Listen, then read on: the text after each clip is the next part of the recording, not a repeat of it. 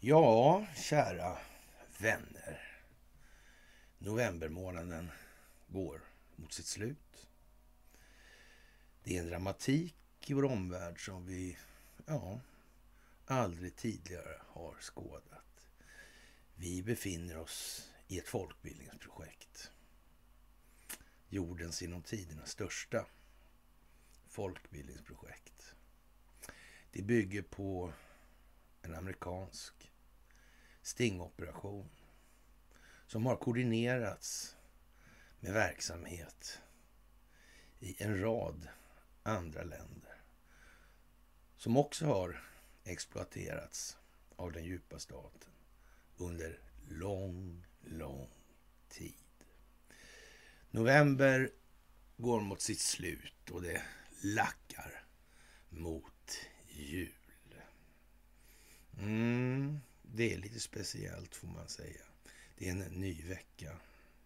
Nya veckor plägar börja med måndagsmys. Ja, intressant.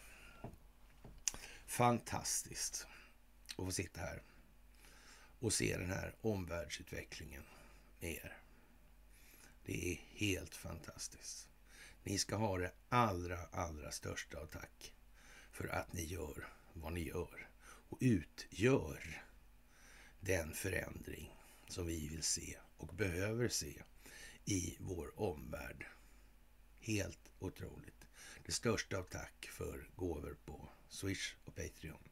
Det största av tack för att ni fördjupar er på karlnorberg.se och naturligtvis ett stort tack för att ni följer Telegramtjänsten. Vidare tackar vi för att ni hänger på underpoddar och så vidare. Mm. Och att ni delar och sprider det här med Free People's Movement. Tro mig när jag säger att eh, det kommer att bli mer aktuellt om jag säger som så. Alltså, mm. Det är bättre att förekomma än att förekommas i den meningen. Vi får inte framstå som att vi inte bryr oss. Nej, vi måste visa att vi bryr oss. Tänk på att nu mäts andra spelare i det här spelet. Och de spelarna som mäts mer nu, det är till exempel vi i det här. Våra preferenskartor är helt plötsligt... Ja, efter en viss punkt så blev det nog så att vi blev huvudsak istället för bisak. Mm, så kan det ha varit. Den kan i och för sig ha varit rätt långt bak i tiden, men ändå. Nu är det nog dags att fler börjar tänka på och kanske inte slänger ut lika många kommentarer med så att säga lika blommigt och yvigt innehåll kanske. Nej, det kanske inte är så bra. Man får liksom ta det här lite mer på allvar, även om man för all del kan skämta. Absolut, alltså. Inget fel i det. Mm. Men eh, nu kommer en jul som vi aldrig kommer att glömma. Det är helt jävla säkert. Och vad börjar man väl med en sån här dag då? En ny vecka i slutet på november månaden. Fantastiskt alltså. Ja. Säpo säger att underrättelsehotet mot Sverige ser ut så här just nu. Alltså två fall av misstänkt spionage har fått stor uppmärksamhet i landet här den senaste tiden. Men vad är det, vad är det främmande makt egentligen intresserad av när de har agenter i Sverige då? Ja, vi kan ju livligt föreställa oss att det kan ju ha att göra med de här globalistintressena och deras verksamhet. Men frågan blir ju då också, är det en angelägenhet för landet? Och varför ska det vara det i så fall? Mm. Ja, att hela försvarsindustrin är uppbyggd på de här enskilda vinstmaximeringsintressenas väl och ve. Det tror jag inte har passerat obemärkt för någon nu. Sen är det väl alltid lite märkligt det där med pengarna, bankerna, sättet som pengar skapas på. Vad pengar är kanske snarare. Mm. Ja, det där är svårt förstås. Man vet ju inte riktigt. Eller gör man det? Ja, kanske, kanske inte. Hur som helst, så Säpo påstår i alla fall att de har sett en ökning kring framförallt svensk innovation och företagande, exportindustri och avancerad teknologi från Ryssland men även Kina och Iran, säger Daniel Stenling, chef för kontraspionage på Säpo i SVTs morgonstudio. Jag tycker det är fantastiskt faktiskt att Säkerhetspolisen håller på med sådana här opinionsbildningsövningar. Verkar helt eh, bra, liksom, naturligt. Inte ett dugg politiserat. Nej, nej, nej. Och den här politiseringen den bygger alltså på att gynna enskilda vinstmaximeringsintressen. Ja, för det är väl inte Sverige egentligen det här handlar om att gynna. Det handlar om att gynna de här företagen. Ja. Och, och de tror jag faktiskt äh, agerar efter vad aktiebolagslagen föranstaltar i form av vinstmaximering och såna här grejer. Mm, jag tror att det är så. Jag tror att det är så. Det senaste fallet i Sverige gäller det par i Stockholmsområdet som misstänks för grov olovlig underrättelseverksamhet mot Sverige och annan främmande makt respektive medhjälp till detta. Där genomfördes en dramatisk insats vid parets bostad. Det andra eh, fallet gäller de så kallade spionbröderna i Uppsala. Rättegången drog igång i fredag förra veckan. Alltså. Det är eh, mycket mycket allvarliga brott det här och de som de är misstänkta för. Vi har eh, bedrivit förundersökning under en längre tid och lagt mycket resurser på den här utredningen. Nu får vi se vad domstolen säger, säger Daniel Stenling, chef för kontraspionage i Säpo, alltså, om de här två bröderna. Ja. Mm, de var från Iran, va? Alltså. Mm, bröderna misstänks ha spionerat på Sverige för Rysslands räkning. Ja. Mm. Ryssland, har de någon kontakt med Iran på något vis, tror mm. Den djupa staten finns ju i alla fall i Iran. Det tror jag är ganska klart. Mm. Ungefär sen alltid. Mm. Förra århundradet ungefär kan man säga. Mm. Med eh, viss förskjutning där då runt 53 med Mossadegh där. Mm tillsättningen av shahen av Iran där. Mm. Som var sugen på att åka och shoppa med donnan där. Mm. På Hamngatan. I Stockholm. Det var nära. Jaha. Eh, vi har noterat intresse från rysk sida mot hela svenska samhället. Vår territoriella frihet, militära och civila totalförsvarsfrågor, säger Daniel Stenling. Alltså. Andra frågor som främmande makt intresserar sig för i Sverige och söker information om är exportindustrin och teknologi där det enligt Säpo finns intresse från Ryssland, Kina och Iran. Alltså. Men det finns även andra frågor som andra länder efterforskar i Sverige. Det kan gälla hur svenska beslutsfattare ställer sig i frågor rörande EU och NATO. Jaha, de där två ja. Vad skulle hända med dem? Kommer vi ihåg det tro? Mm. Ytterligare ett område gäller oppositionella till de olika ländernas regimer som befinner sig på svensk mark. Ja, för all del alltså. Det brukar ju bo en och annan minister från andra länder här mellan varven alltså. Det har ju hänt förr om vi säger. Det tar han inte upp där på något vis. Jag vet inte riktigt. Mm. Personer som befinner sig i Sverige som Kina Ryssland eller Iran uppfattar som ett hot mot det sittande styret i de här länderna. Ja, mm. ja men vi är ju inte sams med de där länderna och de här så att säga, dissidenterna i fråga då, är det liksom... Blir vi någon fristad då för eh, någon form av, eh, oppositionell verksamhet? Och den kan bedrivas hur som helst, utan vi har ju den synen då att det, ja, vad som främst gynnar våra enskilda vinstmaximeringsintressen kommer att verka ledande i den delen. Mm, alltså kan det vara faktiskt. Ja. Mm, konstigt som fan det där egentligen. Ja. Ja, då är man hur som helst intresserad av att kartlägga de här människornas liv då och ibland tysta de här oppositionella rösterna, säger Stenling från morgonsoffan. Mm. Vad ska vi med de här Stenling och hans polare till egentligen? Det verkar ju som de främst ränner i Arsenalsgatan 8Cs rännarbanor.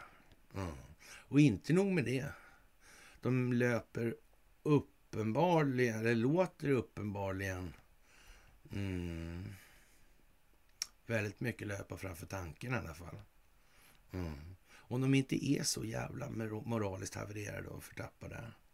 Det vet man ju inte. Sen vet man inte heller om det här har kanske pågått länge och i en omfattning och till ett djup som, ja... Det är inte allmänt känt om vi säger. Nej. Man kanske rent utav inte litar på att vi ska klara hela biffen själv. För det kan man kanske i viss mån kanske till och med anta att man inte tror. För då hade vi nog redan gjort det då. Ja, vi behöver den här hjälpen från omvärlden. Jag tror att vi har sagt det vid något tillfälle. Det här kommer att komma rullande in. Va? Och då gäller det att inte stå som ett jävla jon när det väl kommer. Och det kommer nu. Alltså. Det är det som håller på att komma. Mm. Ifall någon hade misstagit sig på den delen. Alltså. Ja, mycket speciell tid i våra liv skulle man kunna säga utan vidare. och det ser ut att kunna bli en väldigt, väldigt minnesvärd jul det här alltså. Det måste man säga. Och så finns det ju då några sådana här... Ja, det ska ju till en viss dramaturgi hela tiden i det här. Och det ska vara liksom lite ja, ledtrådar om man säger så, man lägger pusslet sådär. Så kollar man, vad fan heter den sådär för liksom? Och vad är det här för någonting? Durham, den här båten där som George Washington eh, använde då när han eh, ja, seglade och tog sig över Delawarefloden. Och det var någonting som inträffade natten mellan den 25 och 26 december 1776. Alltså. Mm. Verkar ju vara ett datum alltså. Ja, man satsar på nedsläckningar sägs det och viskas det på nätet. Mm. Men vem är det som tjänar på det? I alla fall är det helt säkert vem som får skulden för det nu. Det har flaggats tydligt för vilka det är som vill göra det. Mm. En jul utan Babben i soffan eller i fåtöljen där alltså. Ja. ja, ja, ja. Ja, jag vet inte. Det kan bli något väldigt anmärkningsvärt av det här faktiskt. Jaha, när han seglar över där då, det säger man väl fast det är bara en ganska liten båt, den här Durham-båten som har samma efternamn som eh, Ja, just det ja. Han Durham ja. Mm. Durham, åklagaren där ja. Specialåklagaren. Med Clinton, med Hunter Biden, med Barack Obama, med en jävla massa saker. Ja. Vad hette han den där DNC-killen där? Med da datan, dataprylarna. Seth Rich va? Mm. Det var något mord där på honom också. Och sen så, den här Bill Binney sa att de här kunde ju aldrig ha hackats. Det här var ju överfört på ett fickminne. Alltså. En USB-sticka. Mm. Är det inte konstigt alltihopa? Eller börjar det klarna? Jag vet inte. Ja, och jag vet inte. Det är lite grann eh, så att man, man eh, får gå ett annat varv lite grann och ta en annan vinkel och så här så det kanske trillar ner något. Så, och eh, ja, det här är märkliga tider alltså. Vilken dramaturgi, vilket jobb alltså någon har lagt ner på det här. Mm. Det måste man ändå tillstå alltså. Ja. Det är mycket, mycket speciellt helt enkelt. Och eh, Svenska Dagbladet har så att säga höjt eh, tonen lite grann skulle man väl kunna säga. Och eh, de eh, skränar nu i falsett närmast. Det verkar konstigt. Mm. Fast kan det vara en del av dramaturgin där tro? Mm. Mm. Det kan nog vara det faktiskt. De skriver ja, en konstig artikel här. Det verkar precis som att Donald Trump Eh, tänker göra sig av med alla rhinos och sådär. vet inte, vi har snackat lite om att det finns korruption i Republikanerna också. Ja. Och, och, vem vet alltså? Han har ju registrerat ett parti också för länge, länge, länge, länge sedan. Alltså. Ja. Det var väl vid tiden för han ja, registrerade det där uh, Truth Social rent utav. Eller var det inte det? Jag tror att det var det faktiskt. Jag tror att det var det. Det gjorde han bara för att han inte hade något att göra ändå. Han hade tråkigt. Så han tänkte att jag registrerar ett nytt parti.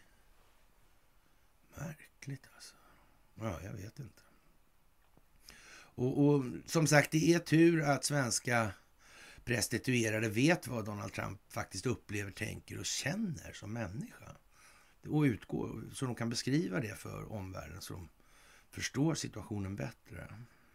Mm. Vi är på den nivån alltså. Och ja, då har en Malin Ekman författat följande lilla alster dagen till ära. Att Trump har, har svårt att motstå frestelsen att återväcka rörelsen som bär hans namn. Men eh, tänder han den gnistan riskerar han att släcka sitt partis chanser att ta makten. Oviljan att inse när det är dags att lämna har många makthavare gemensamt. Fruktan för tomheten bortom positionen det innehar blir så stor att självförnekelsen tar vid och föranleder dem att hålla fast vid makten. Donald Trump upplever sig så berättigad till makten att han inte ger upp den. Han lämnade motvilligt Vita huset för Mar-a-Lago.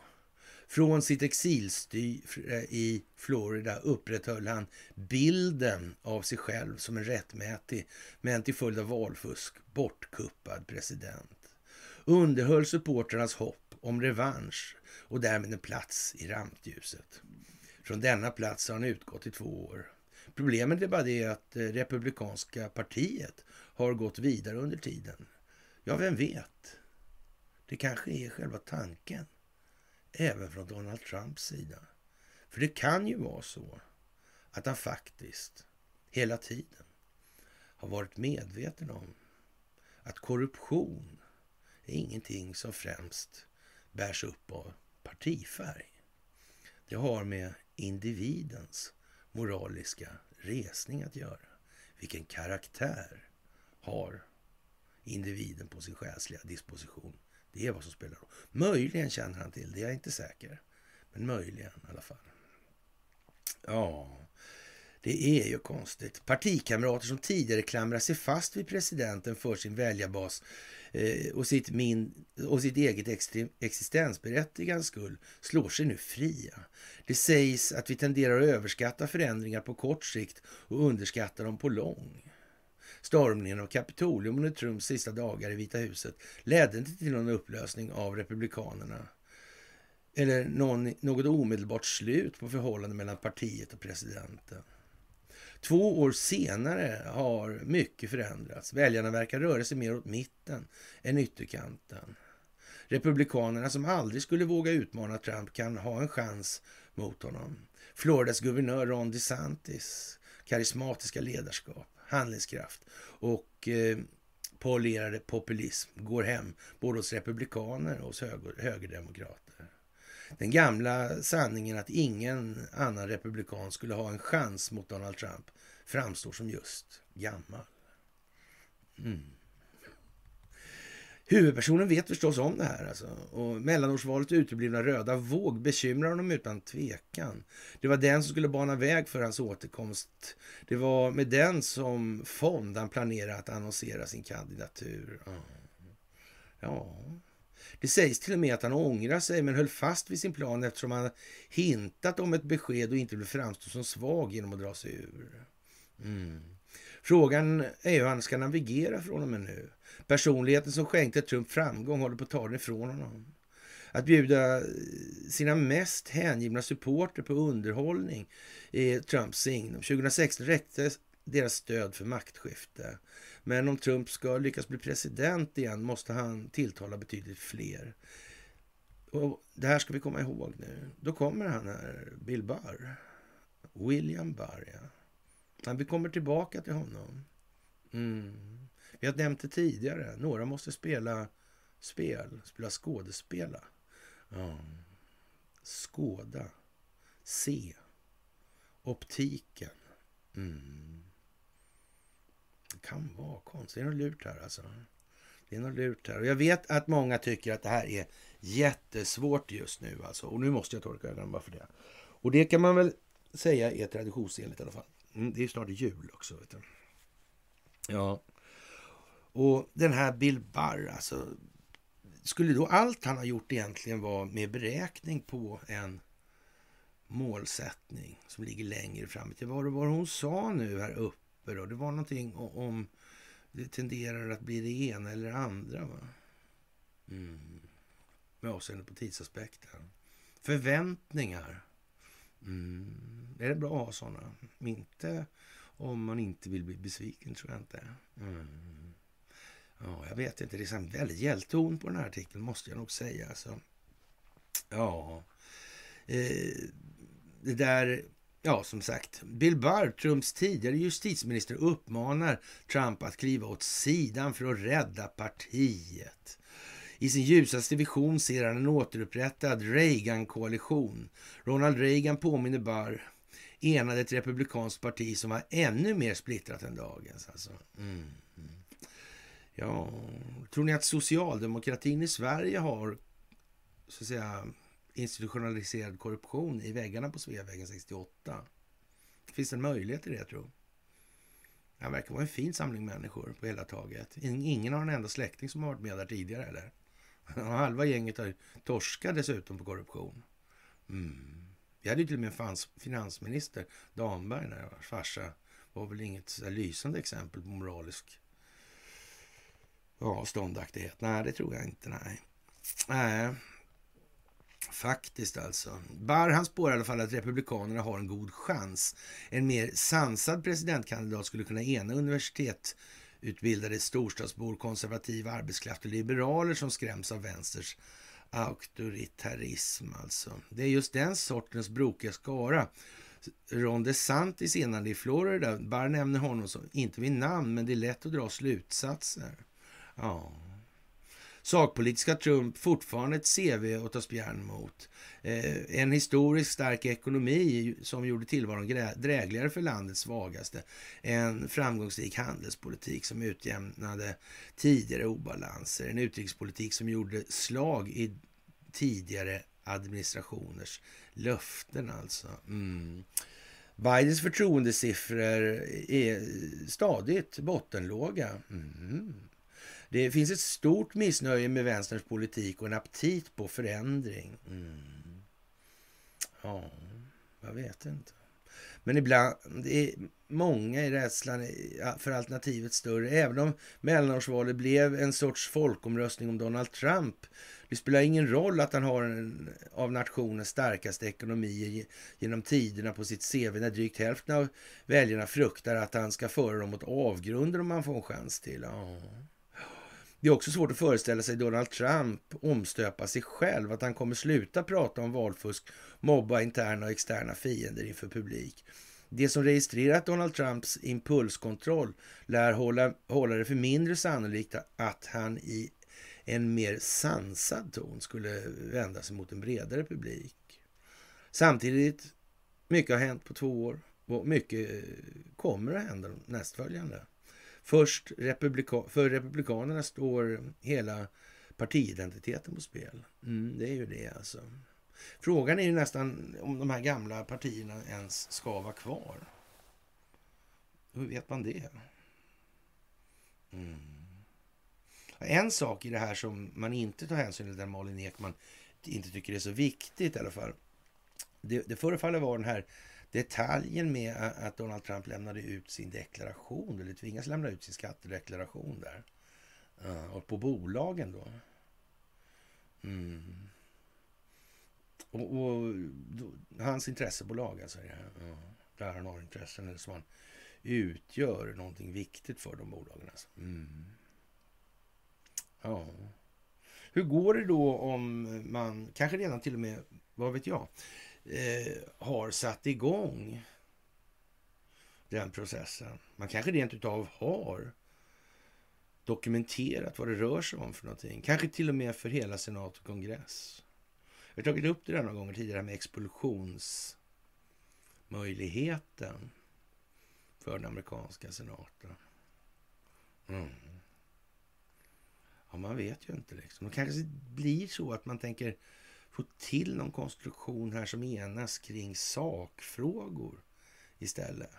Lite mindre åt den här polariseringen och partiidentiteten. Jag vet inte exakt den här partiidentitet, vilken nytta den fyller för befolkningen ur ett demokratiskt perspektiv. Jag är osäker, mycket, mycket osäker på det alltså. Eller kanske inte ett dugg jävla osäker till och med. Mm ja, ja, ja, ja, ja. Men så kan det bli. Ja, det är helt otroligt alltså.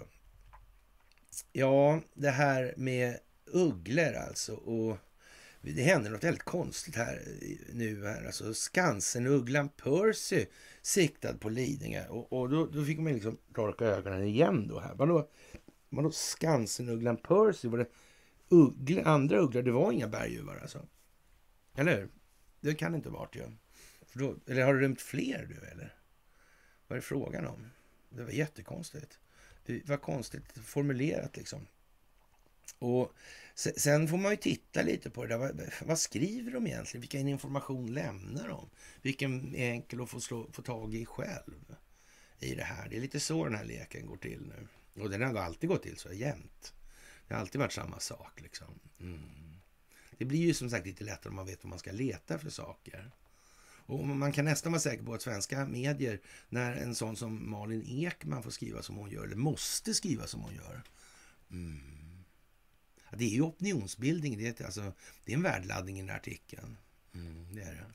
Och, och, i takt med att det här valet i USA framstår som ja, det värsta jippot i, i ja, den moraliska historien alltså. Mm. Eller kanske den mänskliga moralens historia. Mm. Och det verkar lite sådär. Och det här med Bolsonaro samtidigt och så vidare. Ja, ja jag vet inte. Kanske. Hur som helst då. Den här äh, berguven, den heter Bubo Bubo. Ja, på latin alltså. Och, ja, nu tycks han ha bytt fågeldräkt i alla fall och har blivit en strikt Strix nebulosa. Och, och, ja, det var ju väldigt konstigt alltså. Jättekonstigt. Mm. Och först var det den här William Barr då. Det var ju den här sonen då. Ja. Och sen den andra hette Percy. Ja. Men med amerikansk regi på det här spektaklet då, om vi skulle gissa till exempel att det var någon som var bra dramaturg som Nushin eller sådär kanske, något, jag vet inte. Han kanske kände till något om ämnet. Eller inte? Ja, men så. Hur som helst så är det så här alltså.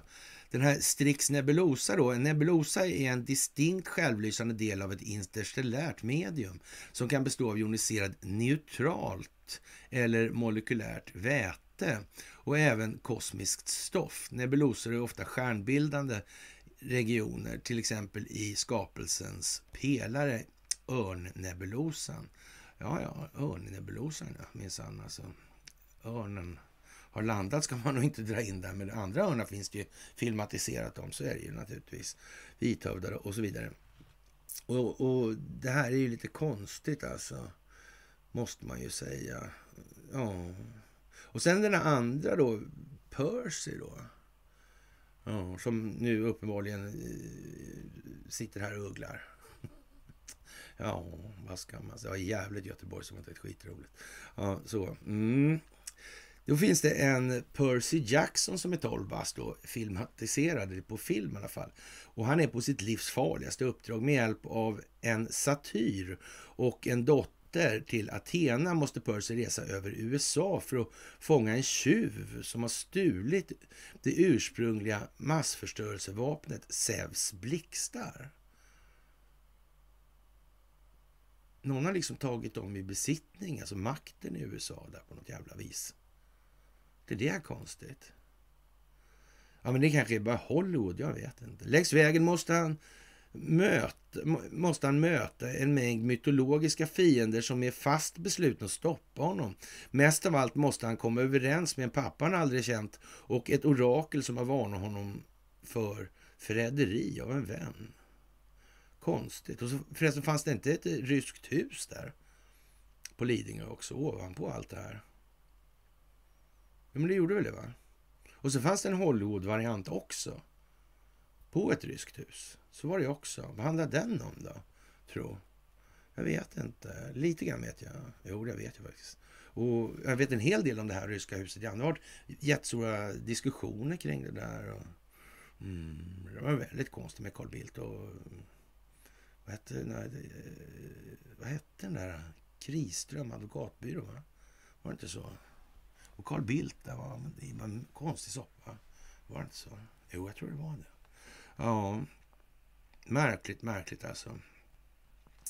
Och ja, Det ryska huset är alltså en roman av John le Carré där förläggaren Barley Blair, eller Barley Scott Blair, fångas in i en konspiration när han får manuskript från en rysk vetenskapsman, Dante, som hävdar att det hela det ryska kärnkraftprogrammet är en bluff alltså. Det kalla kriget alltså. Det är en bluff. Egentligen. Var inte det konstigt? Det är märkligt det där på något vis alltså. Ja, på söndagskvällen så skickade i alla fall Skansens djurvårdare sina kroppar till Lidingö, men efter det att en stor uggla syns i ett träd, rapporterar P4 Stockholm. Vi bedömer det som väldigt, väldigt, väldigt realistiskt att det skulle kunna vara vår lappuggla. Som, så vi stack dit direkt, säger Skansens kommunikationschef Yvonne Nordlind till kanalen. Eh, men när djurskötarna kom fram var ugglan inte kvar i alla fall. Percy och hans pappa Barr ja, rymde förra veckan sedan deras voljär kollapsat av tyngden från snömängderna. Barr kunde snabbt fångas in, men Percy har än så länge hållit sig undan alltså. Mm. Yvonne Nordlind tror inte det går någon nö på honom. Alltså.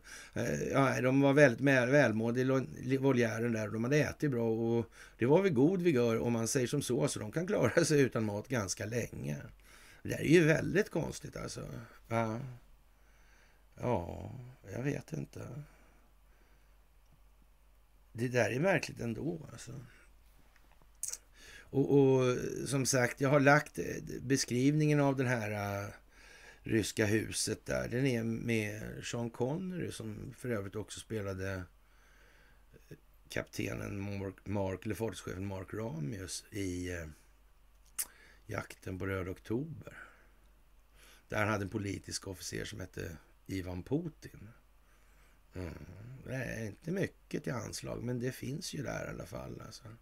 Det går som en liten tunn röd tråd redan från gångna tider. Alltså. Ja, det där är ju väldigt, väldigt speciellt. Och som sagt, ska man se något måste man titta här i världen. Det går inte alltså. Mm. Som sagt, och eh, jag tror att om man vill se var riktningen pekar åt för håll alltså. Var åt, eller vart kanske man säger då, på dålig svenska. Mm. Ja, dit det lutar och rullar i alla fall. Så är det. Och tänk vilket pådrag det har varit med oh, kungskobran. Mm. Kungen åkte till Brasilien. Ja. Oh, Thailands kungahus. Mm. Var det någon kopplingar där någonstans? Jag vet inte. Mm. Ja, ja. Pentagon överväger hur som helst ett erbjudande från amerikanska företaget Boeing om att förse Ukraina med eh, lågkostnadsmarkbaserade precisionsstyrande projektiler med liten diameter som passar Kievs befintliga leveransfordon för att anfalla Ryssland, skriver Reuters. Då kan man säga att tonläget är liksom, det är rätt högt nu. Mm. Och då blir det liksom sådana här grejer som att, ja. Men det här korta, raka, enkla. Det är korta, raka, enkla tankar också. Och som sagt, hur var det där? Det här med planeringen. Och vad blev det med besvikelser och kort och lång sikt liksom och sådär med förväntningarna. Mm. Det gällde väl att ha den längre, djupare planeringshorisonten. Var det inte det? Den som har den kortare kommer ju tydligen att förlora. Så det, det tror jag verkar bättre. Faktiskt. Mm. Mycket, mycket märkligt det där. Och vi noterar och så flinar vi väl lite åt när Danske Bank ser strukturella möjligheter för Telia och anser att teleoperatörens aktieägare skulle gynnas av om ledningen beslutar sig för att avyttra verksamheten inom tv-media. Är det någon frågan om någon slags avmonopolisering här eller ska allt läggas i... Hur, är det tänkt det här egentligen? Kanske till och med ska vara så att inte, det ska in internationella aktörer för att se till att det här skiten inte upprepar sig. Det känns ju inte orimligt i alla fall att det skulle kunna vara så. Men jag säger inte att det är så. Men ja, det, det, man vet ju inte hur pass väl de bedömer den svenska befolkningens funktionsmässighet mentalt sett. Mm. Det är ju lite speciellt får man säga. Och någon tycker till och med att Telia äger vi folket. Ja, det må ju vara så att man har betalat för väldigt mycket inom Telia under lång tid. Det må ju vara så, men kom igen nu alltså. Om man inte har förstått att man inte ens äger sina egna pengar. De är inga egna pengar, det är bankens pengar. Då kan man vara med fördel lite återhållsam i den typen av uttryck alltså. Mm. Eller lite mer återhållsam kanske. Det där med äga är svårt alltså för många. Det är det ju. Ja. Och regeringen vill kriminalisera oskuldskontroller. Det verkar centralt alltså. Och, och, det kan man väl säga, det verkar väl vara lite integritetskränkande på det viset, men jag vet inte. Eh, regeringen har gett pågående utredning uppdraget att lämna förslag på lagstiftning som kriminaliserar oskuldskontroller, oskuldsintyg och oskuldsoperationer. Alltså man opererar sig till oskuld då alltså.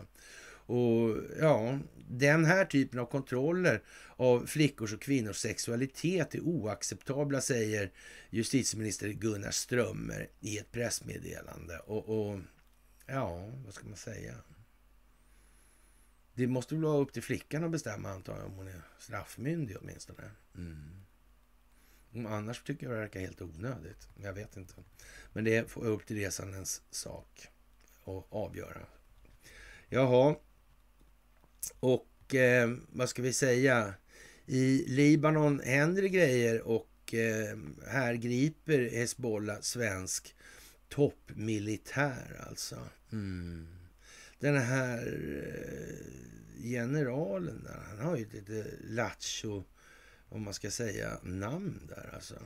Mm. Gyllensporre. Man kan säga att det hittar man inte i adelskalendern. Han bytte namn alltså. Mm. Från något som läser ungefär som östturkmen. Mm. Cirka. Det är väldigt mycket med de här det är lite turkanslut. Det är ungefär som den här eh, Dennis arven. Mm. Och sen har vi de där brorsorna. De kan ju nära nog vara armenier. Va? Mm. Det där armeniska folkmordet sitter ju i alltså. Fast det var ju så att det var ju han Picot där i Sykes-Picot som låg bakom det där. Men det har aldrig riktigt kommit fram. Utan sen vart det där, den där konflikten blev så att säga Ja, den blev ledande på något vis. Precis som det var meningen. Mm. Ja, så kan det ju vara, ja. Mm. Ja, som sagt, eh, det är många som tycker en massa saker nu och det är klart att trollen har ju panik alltså. Om det låter som det gör nu i de ägardirektivstyrda opinionsbildningsmedierna, då är det klart att trollfarmen liksom, ja, de får liksom gå på tjack nu alltså. Mm. Och hoppas att det vänder innan det släpper.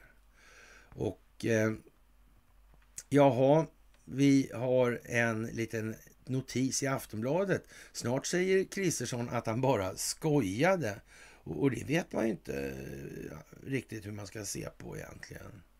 Han kanske skojar om barnhandel också, inte vet jag. Alltså. Eh, vi borde ha lärt oss av Pepsi-reklamen. John Leonard kunde knappast tro sina ögon när han såg Pepsis nya reklam på TV 95. Företaget startat ett poängprogram där ungdomar kunde samla på etiketter från Pepsi-flaskor och byta dem mot grejer med läskloggan på. Alltså. I reklamen syntes en cool kille i Pepsi-tröja, Pepsi-skinnjacka och Pepsi-solglasögon. Alla märkte man antalet poäng de kostade. Alltså. Reklamen slutar med att han landar utanför sin skola i ett stridsflygplan. Åker Härje då det. Och och ja, har fått då 7 miljoner Pepsi points alltså. Mm. Ja, jag vet inte. Det där är ju mycket udda alltså. Ja. Det där är... Vad gör Kristersson egentligen alltså? Mm. De lovar ju en hel del alltså. Vi verkar lika lättlurade alltså, som den här liran alltså. Mm. En 21-årig läskdrickare. Ja. Ulf Kristersson, Ebba Busch, Jimmie Åkesson och Johan Persson lovade en hel del under valrörelsen. Inte mycket av det fanns kvar när budgeten presenterades. Inget ordentligt elstöd. Bensin och dieselpriserna sänktes knappt. Satsningarna på välfärden blev i praktiken nedskärningar. Skatten på ISK-sparande ser ut att dubblas nästa år, alltså dubbleras, istället för att sänkas. Ja. Kanske missar vi det finstilta, kanske vi hade fel förväntningar skulle man kunna säga. Mm. Hur kommer det sig att vi går på det här hela tiden? Mm, jag vet inte. När John Lennart stämde Pepsi förtydligade, förtydligade det sin reklam under erbjudandet om ett stridsflygplan stod det plötsligt “Just kidding”. Ja. Har någon kollat den sista sidan i budgetpropositionen, skriver Aftonbladet. Jag vet inte om det där verkar så bra. Vad säger Jimmy egentligen alltså, i allt det här? Har han ingenting att säga längre? Är han nöjd nu? Det verkar inte gå bättre för landet i omvärlden. Nej. Jag vet inte. På Säpo låter det ju som att det går riktigt dåligt alltså. Hela världen är ute efter svenska intellektuella tillgångar och föredömlig svensk moral och såna här grejer. Hur är det där? Ens? Ja. Ja, konstigt alltså. Elon Musk, ja, vad ska man säga? Han tycker i alla fall att de här bottarna som är, är nu alltså, det är sådana jätte, jätte anfall alltså, av bottar. Mm. De ska betala 8 dollar, för annars åker de bort. Alltså. Är det säkert att de betalar verkligen? Ja? Eller är det någon slags saneringsövning han håller på med? Jag vet inte. Ja, det kan man ju undra faktiskt. Mm. Och som sagt, eh, ja... Det är ju speciellt alltså. Ja. Och så är det en annan grej med den här tweeten som Elon Musk lägger upp. Alltså. Han har den här bilden på när Washington korsar Delaware. Floden där. I det här. Mm. Det är ju lite speciellt i de här tiderna. Det verkar liksom något på G helt enkelt. Jag vet inte. Jag vet inte. Som sagt. Och Maricopa County är då i Arizona i, ja, inte närmast upplösning, men i alla fall. Det går så där för valet alltså. Av någon anledning. Det här som Malin Ekman, ja, på något vis tycker är klart. Men alla verkar inte överens i den delen. Alla verkar inte alls överens alltså. Och det verkar precis som rena Rocky-filmen alltså. Det är nu 27 ronden och Clubber Lang eller Mr T då. Eller ja, Dolph Lundgren eller mm, Hulk Hogan eller vem som helst. Mm, och nästan Anita Rocky alltså. Mm. Det tänds som en aura runt huvudet på Rocky ett ljus liksom. Ja, speciellt. Speciellt. Mm.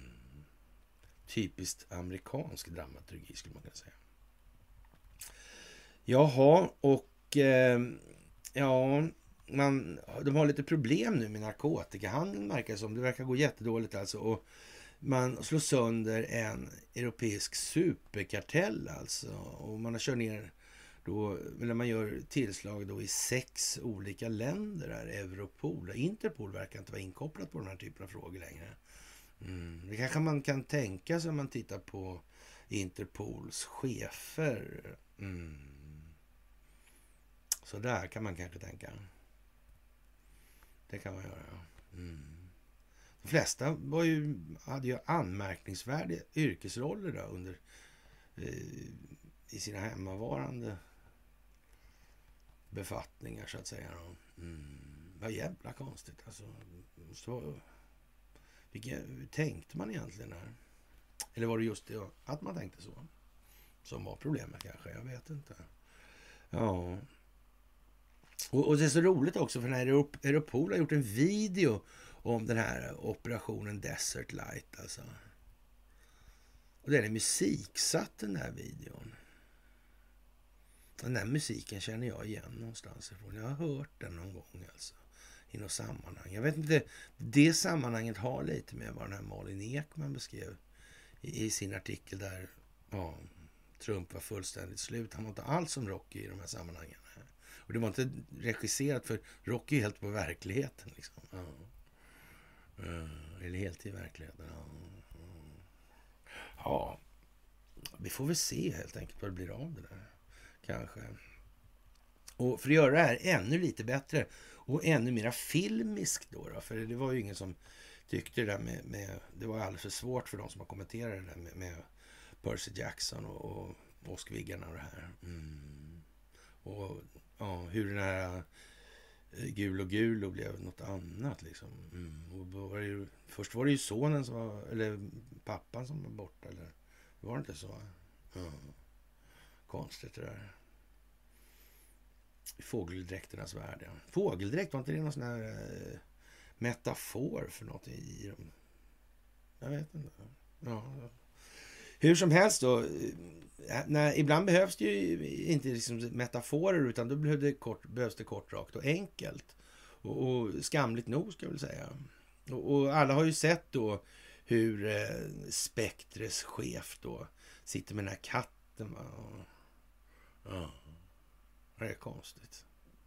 Nu har man tagit fram den nya Spectro eller Spectre-loggan då och den här CEO, CEO Summit eh, 2022, alltså APEC då. Mm. Nya loggan är fin. Det är en svastika helt enkelt. Ungefär som ASEA. Ja.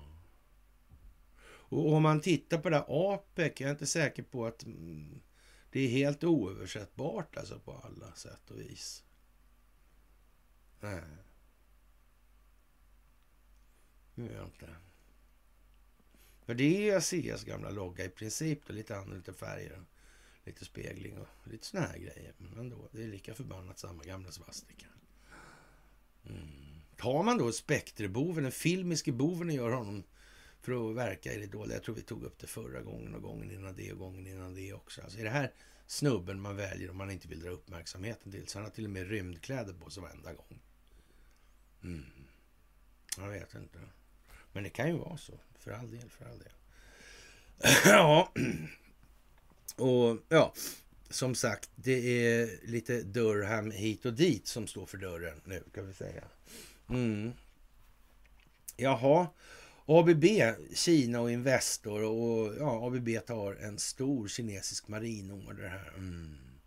Ja, det är klart att eh, har de tagit den, alltså framdrivnings, order på framdrivningsutrustning till tio gigantiska kinesiska containerfartyg. Ja. ja, då måste man ju leverera på det man har åtagit sig också. Mm. Och säger man nej, Ja, då får man ju inte det. Nej, då riskerar man att tappa det man redan har också. Mm. Mm. Finns det hungrigare vargar som kommer traskande runt knuten? Ja, jag vet inte. Men det kan ju vara kanske trevligt. Möjligen. Jaha, och eh, Europol har alltså sprängt den här europeiska narkotikakartellen som smugglat enorma mängder kokain, meddelar den europeiska polismyndigheten. Och insatsen som Europol kallar då alltså Desert Light, så har 30 ton kokain beslagtagits och 49 personer har gripits i en rad länder, bland annat sex uppsatta ledare i Dubai. Då. Mm -hmm. Eh, de har tillsammans eh, bildat vad som beskrivs som en superkartell som kontrollerade omkring en tredjedel av kokainhandeln i Europa, skriver Europol i ett pressmeddelande. Den uppgiften är ju väldigt intressant då, ungefär en tredjedel. Mm. Med avseende på att eh, svenska myndigheter och narkotikapolitiken har byggt på, om vi kan kalla det för, Eh, blygsamt tilltagna ingångsvärden då kan vi säga. Mm. Man får gradera upp det där lite grann. Mm, jag kommer tillbaka till det sen här alltså. Det där är ju jättekonstigt. Och mördarpartikelacceleratorn då som ska göra, betyda jordens undergång och sådana grejer. ja, det verkar, inte, det verkar inte bli något med det helt enkelt. Av det enkla skälet att de måste stänga ner på grund av elektricitetsbrist. Alltså. Mm. Ja, det är ju konstigt. Att det kan bli så. Mm. Ja, den hade ju varit bra och, och som scare event, alltså, eller cornucopia, eller cornu event som vi brukar kalla det för. Mm. Ja, det där är ju udda alltså. Ja, ja, ja, ja, ja. Och eh, vi har tjatat i halva evigheter om det här med, så att säga, militärrättsliga påföljder. Krigslagar. Mm. Det verkar på något vis som att eh, ja, Donald Trump han håller fast vid det här. Det finns något sånt där i bakgrunden ändå. Alltså. Oavsett vad Malin Ekman på Svenska Dagbladet tycks anse i saken. Det verkar vara så att det finns någonting i botten på det här. Mm. Och det går alltså inte bara att rusa in och ta Hillary Clinton och sen skicka iväg henne eller åka avrättarna på Gitmo. Alltså. Vad hjälper det? Vilka blir klokare för det? Vilka får en ökad förståelse för den situation som de faktiskt själva har försatt sig i genom att inte vara tillräckligt medvetet medvetna. Tillräckligt självrannsakande. Ja, det är bara så. Det, det går inte. Och det är lika bra att man slutar hoppas på att det kommer en riddare på vit häst alltså. Det kommer inte komma någon sån. Antingen gör vi det här själva eller också gör ingen det alls. Det är vi som gör det här tillsammans. Det är bara så. Och det är ingen idé att sitta och hoppas på någon annan. Sen gör andra människor det de ska. Men vi måste ju lika förbannat se till att inte vi hamnar i samma position igen då, eller situation. Och hur ska det ens vara möjligt då? Ska det ske då att vi inte hamnar i samma situation genom att bete oss precis likadant till i övrigt samma givna förutsättningar? Jag tror inte det. Jag tror det är beteckningen, eller ja, definitionen på eh, idioti, dumhet alltså. Eller? Jo, jag tror det faktiskt. Det tror jag nog, ja. Faktiskt. Och det där ska man nog minnas i det här. Det, det är nog bra nu alltså.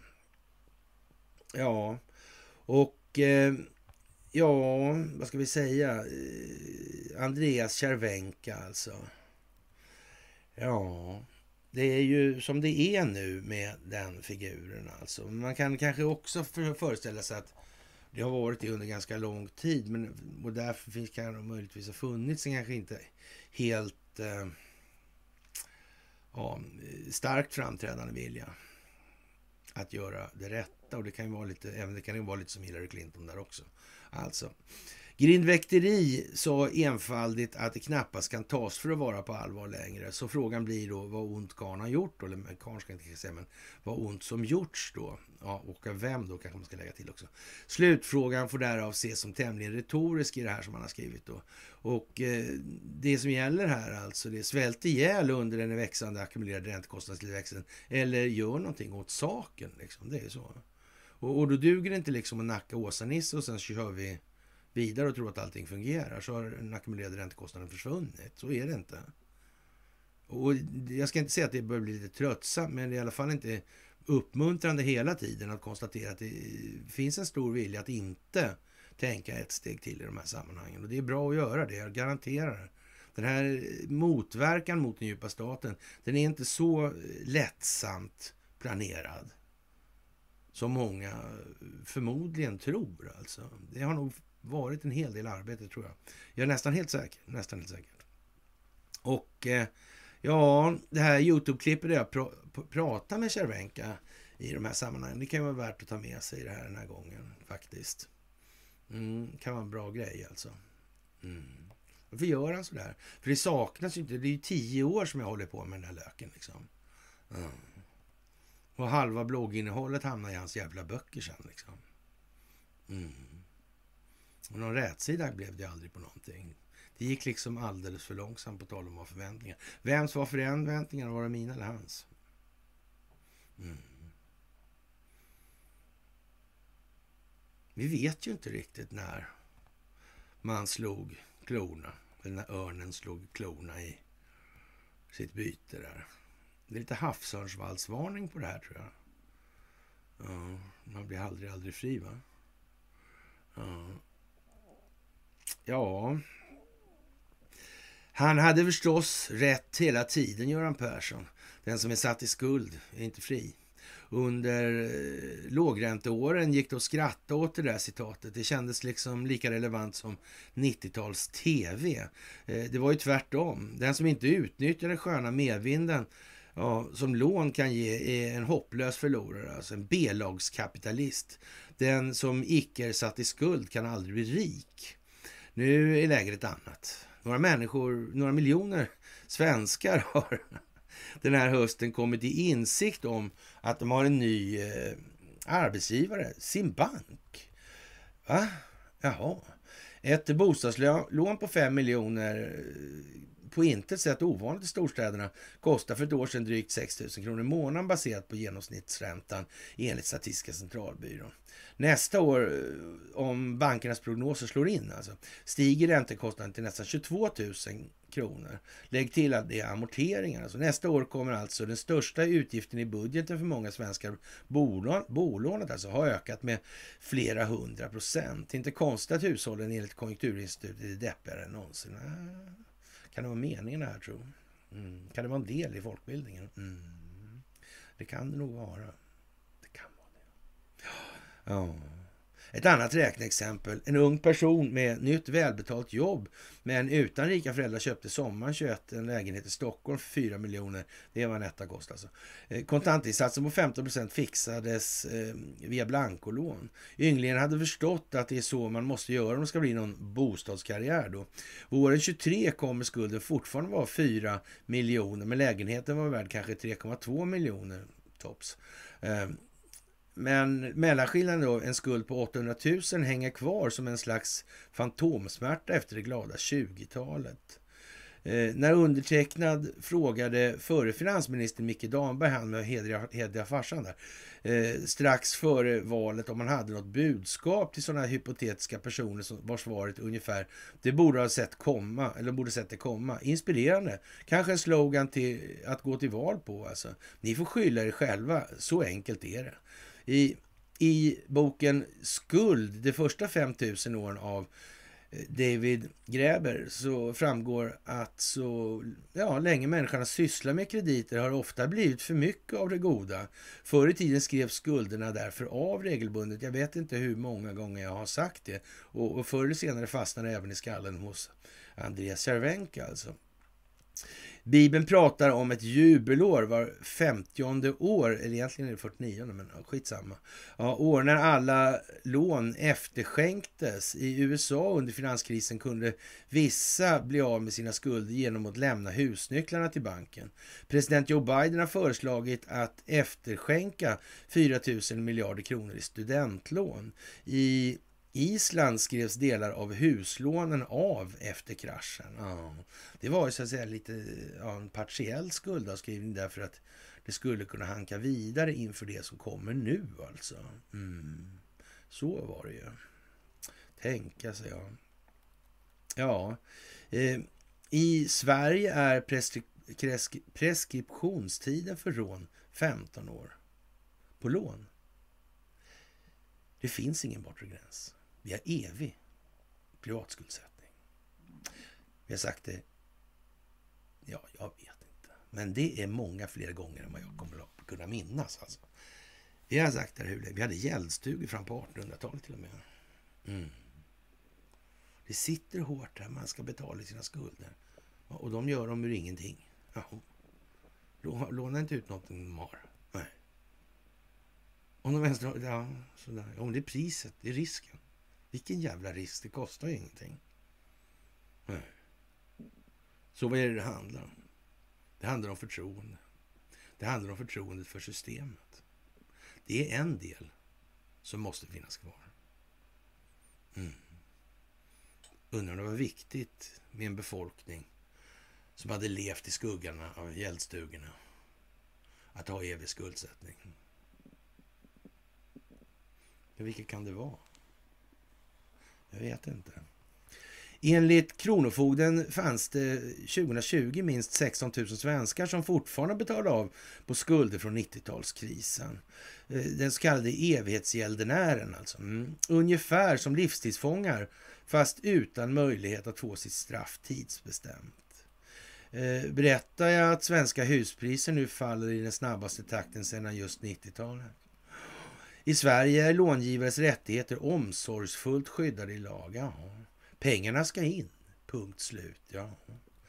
Eh, det finns möjlighet till så kallad skuldsanering hos Kronofogden, men en sån är svår att få och innebär ett liv på existensminimum i minst fem år. Ja, man kan till och med få något sånt jävla fräckt avslag som med, med ja, hänsyn taget till förmågor och bildningsnivåer och kontaktnät så skulle det vara menligt att ge skuldavskrivning. Så kan man säga. Så det finns också, den möjligheten finns också. Det finns så jävla illa i det alltså.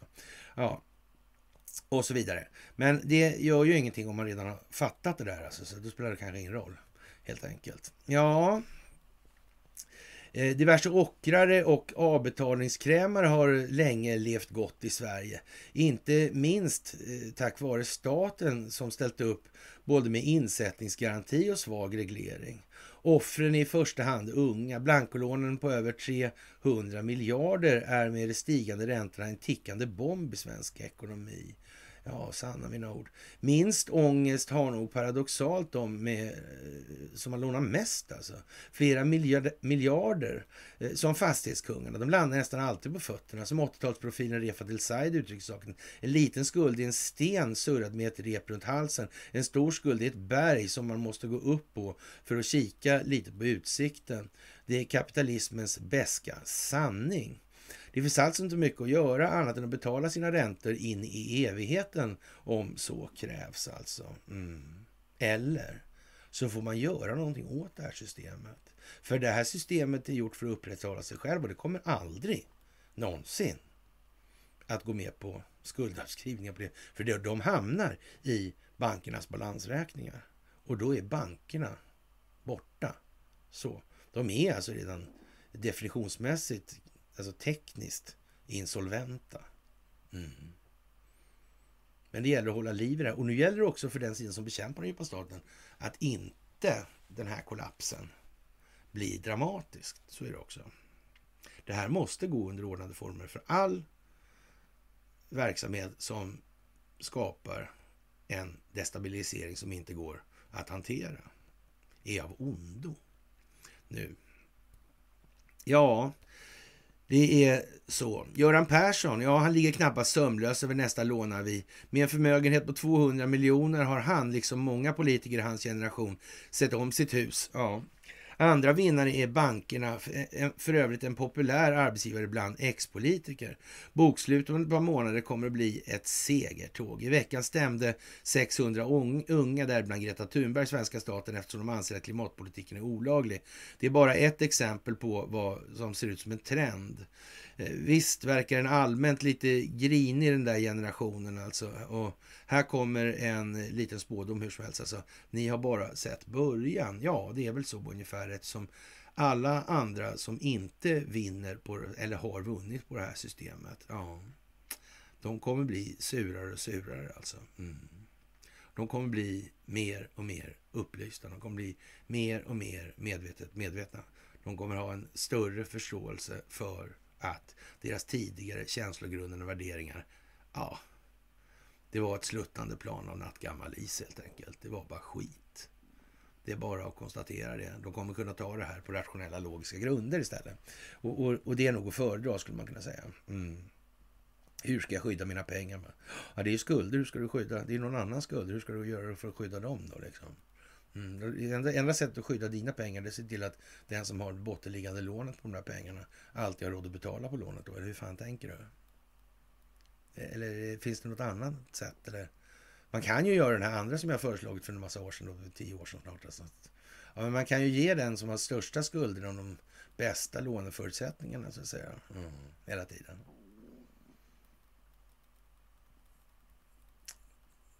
Den som har sämst då förmåga, sämst kreditvärdighet.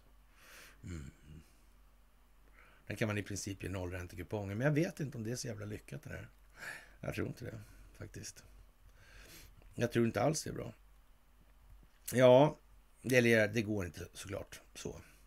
Och eh, ja, Sturekompaniet minsann, Jag prövar covid eller ja, vill ha provat då covid-ersättning till Sturecompagniet, alltså Högsta domstolen ska ta tag i det. Och det där är ju mycket speciellt. Alltså, det är speciellt det här med Vimal Kovacs och, och Storstalin alltså, och Wallenberg i samma bolag. Det måste vara toppen för Wallenberg. Han måste vara hur glad som helst i de här sammanhangen.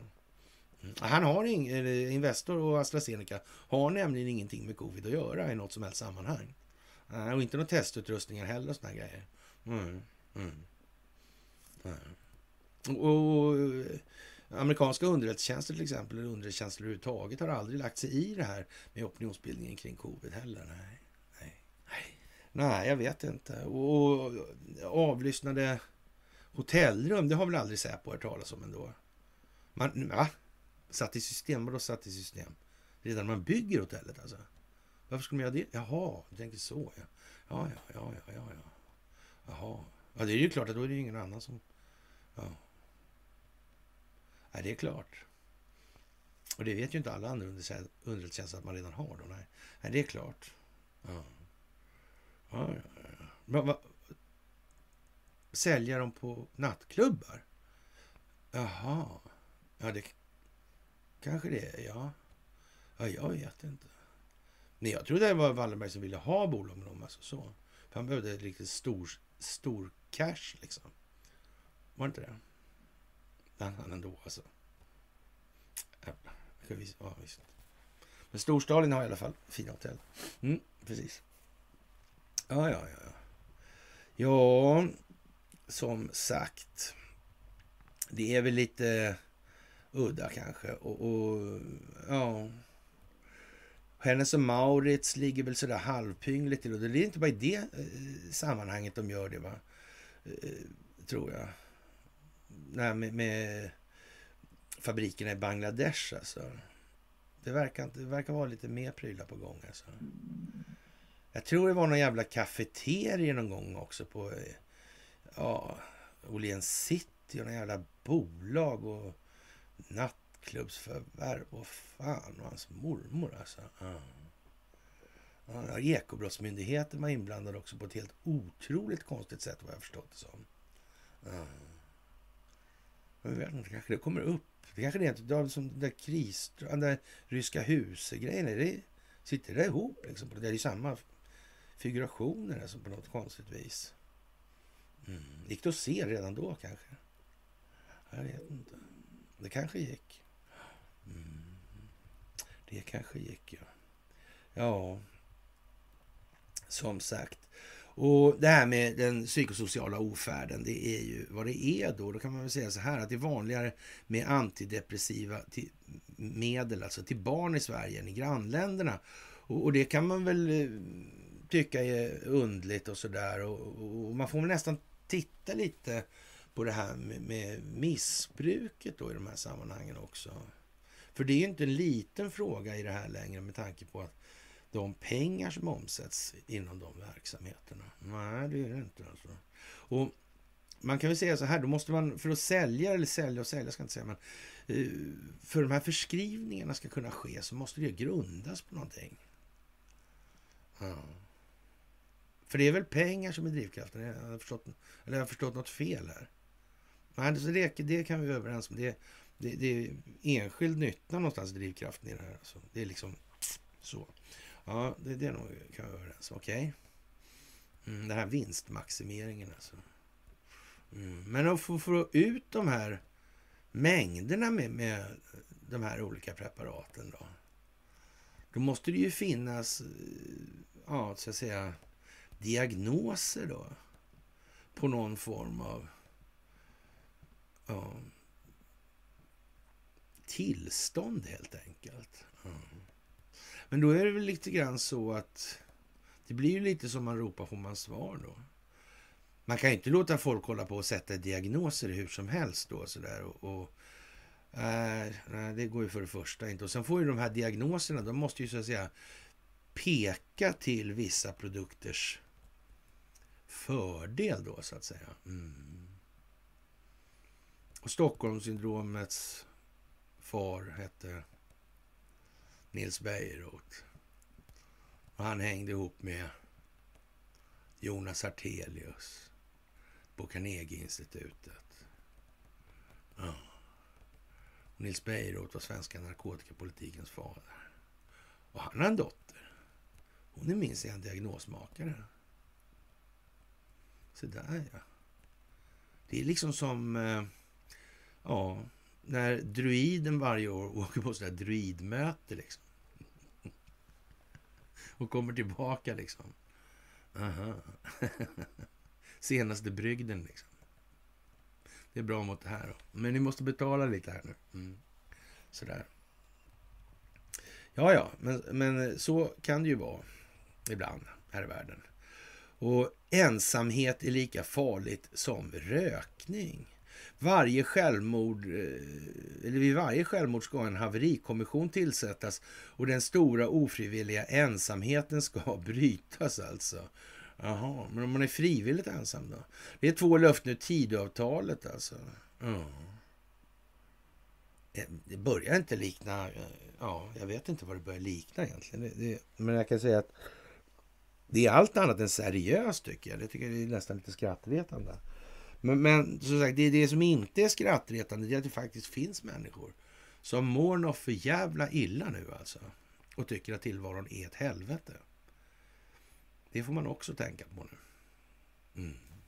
Och det är inte... Det är, eller rätt sagt, det är som vi har sagt då, eh, under eh, ja, decennier här nu. Eller så.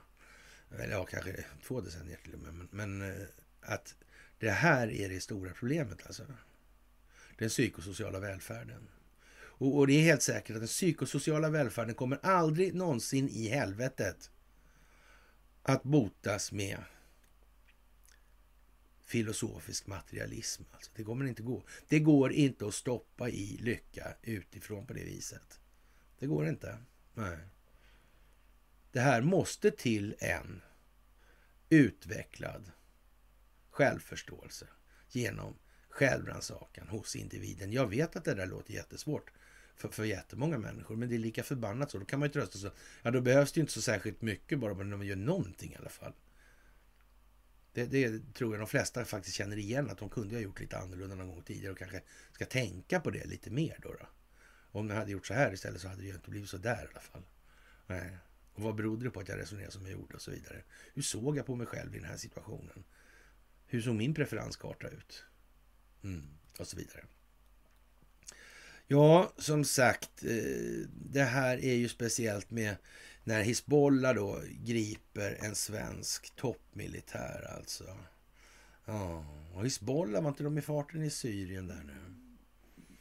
Det var någonting med något tal där va? Med Hassan Nasrallah. Var det inte det? Jag tror det faktiskt. Mm. Och, och det, det, fantastiska med, med det här, alltså herr Gyllensporre då, det är ju som sagt att han Ja, han, han är liksom på något vis i grund och botten då. Ja, kommer han någon annanstans ifrån alltså? Mm, jag vet inte vad det här kan vara alltså. Dennis Gyllensporre då, tidigare östturkmen. Mm. Ja, ja, ja, ja, en turk minsann, eller turkmen då i alla fall. Och nu är han pensionerad dessutom. Ja. Och han och hans brorsa bytte till det här namnet alltså. Mm, vad fan gjorde de det för allihopa också? Mm. Dennis Arda, ja. De här iranierna, ja. Ja, det är ju inget riktigt adelsnamn, så det är ingen adlig grej. Alltså så. Men det ändå verkar lite... Men inte kan de hålla på med så här långa planeringsgrejer. Alltså. Ja. Odla liksom underrättelsetjänsttillgångarna. Ja. Och sätta en enorm resurstäthet hela tiden. Och meritlistan han har den där liraren, alltså, den verkar speciell. Ja, Man vet ju inte, som sagt.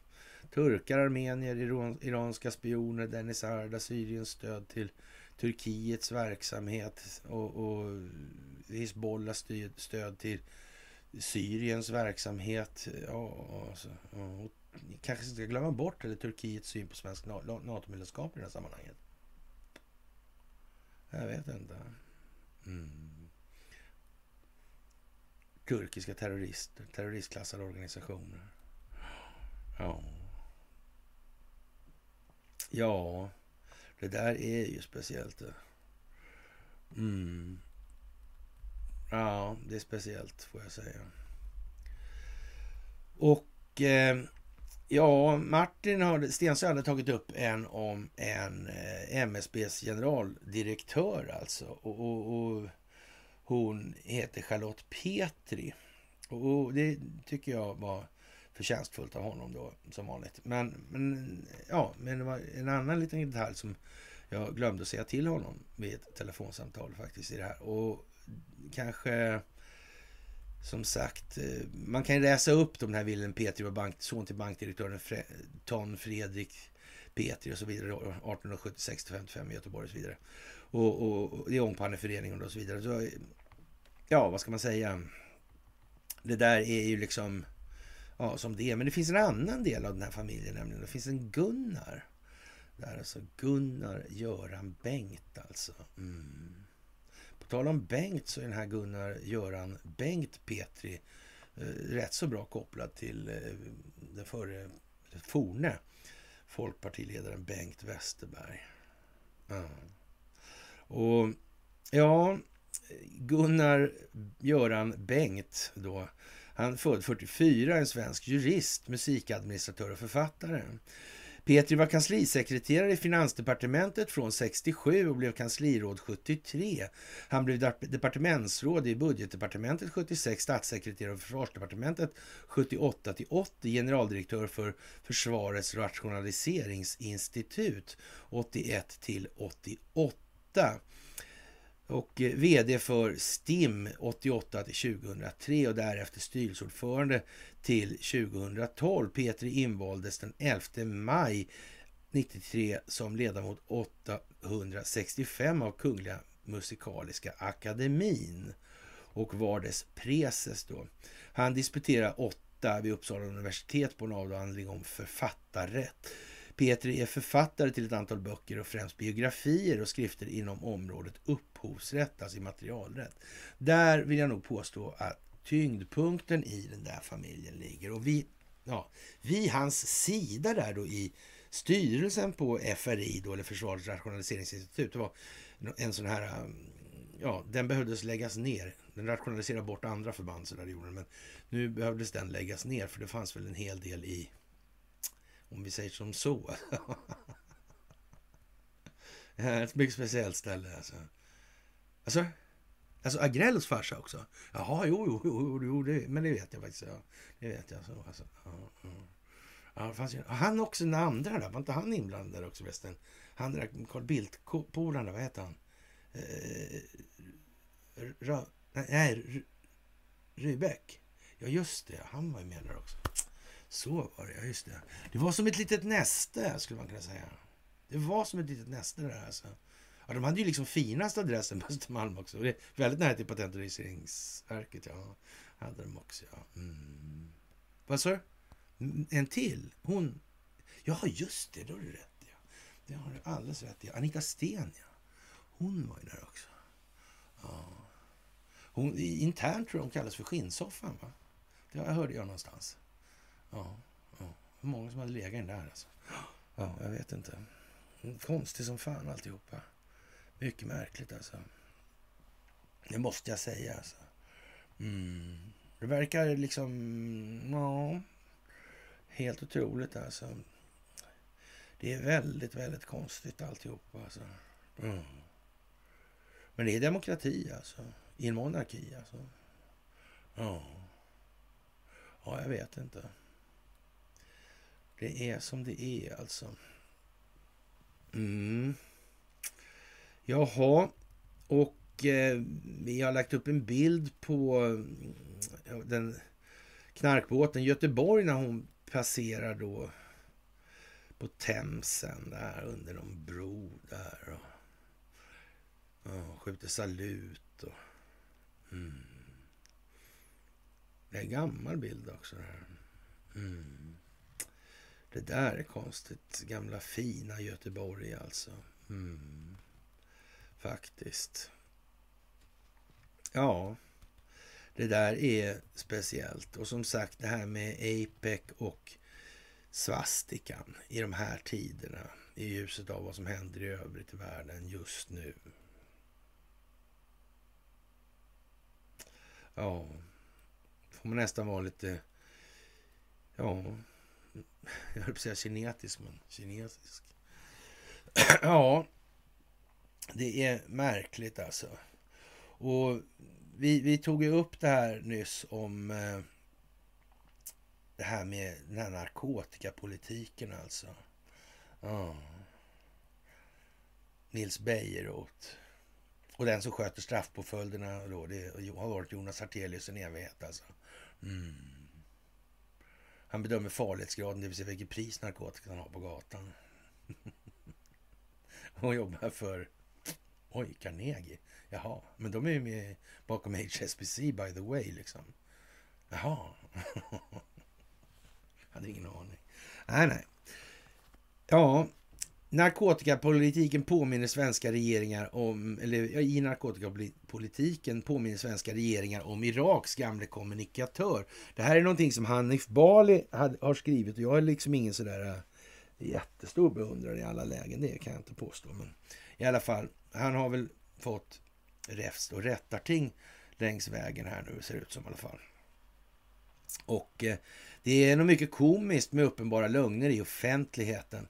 Mohammed Said al-Sharaf, eller Sahaf, eh, var kommunikationsminister i Saddam Husseins regering under USAs invasion av Irak 2003 och blev genom sina uppenbara lögner snabbt Bagdad Bob med en hel värld.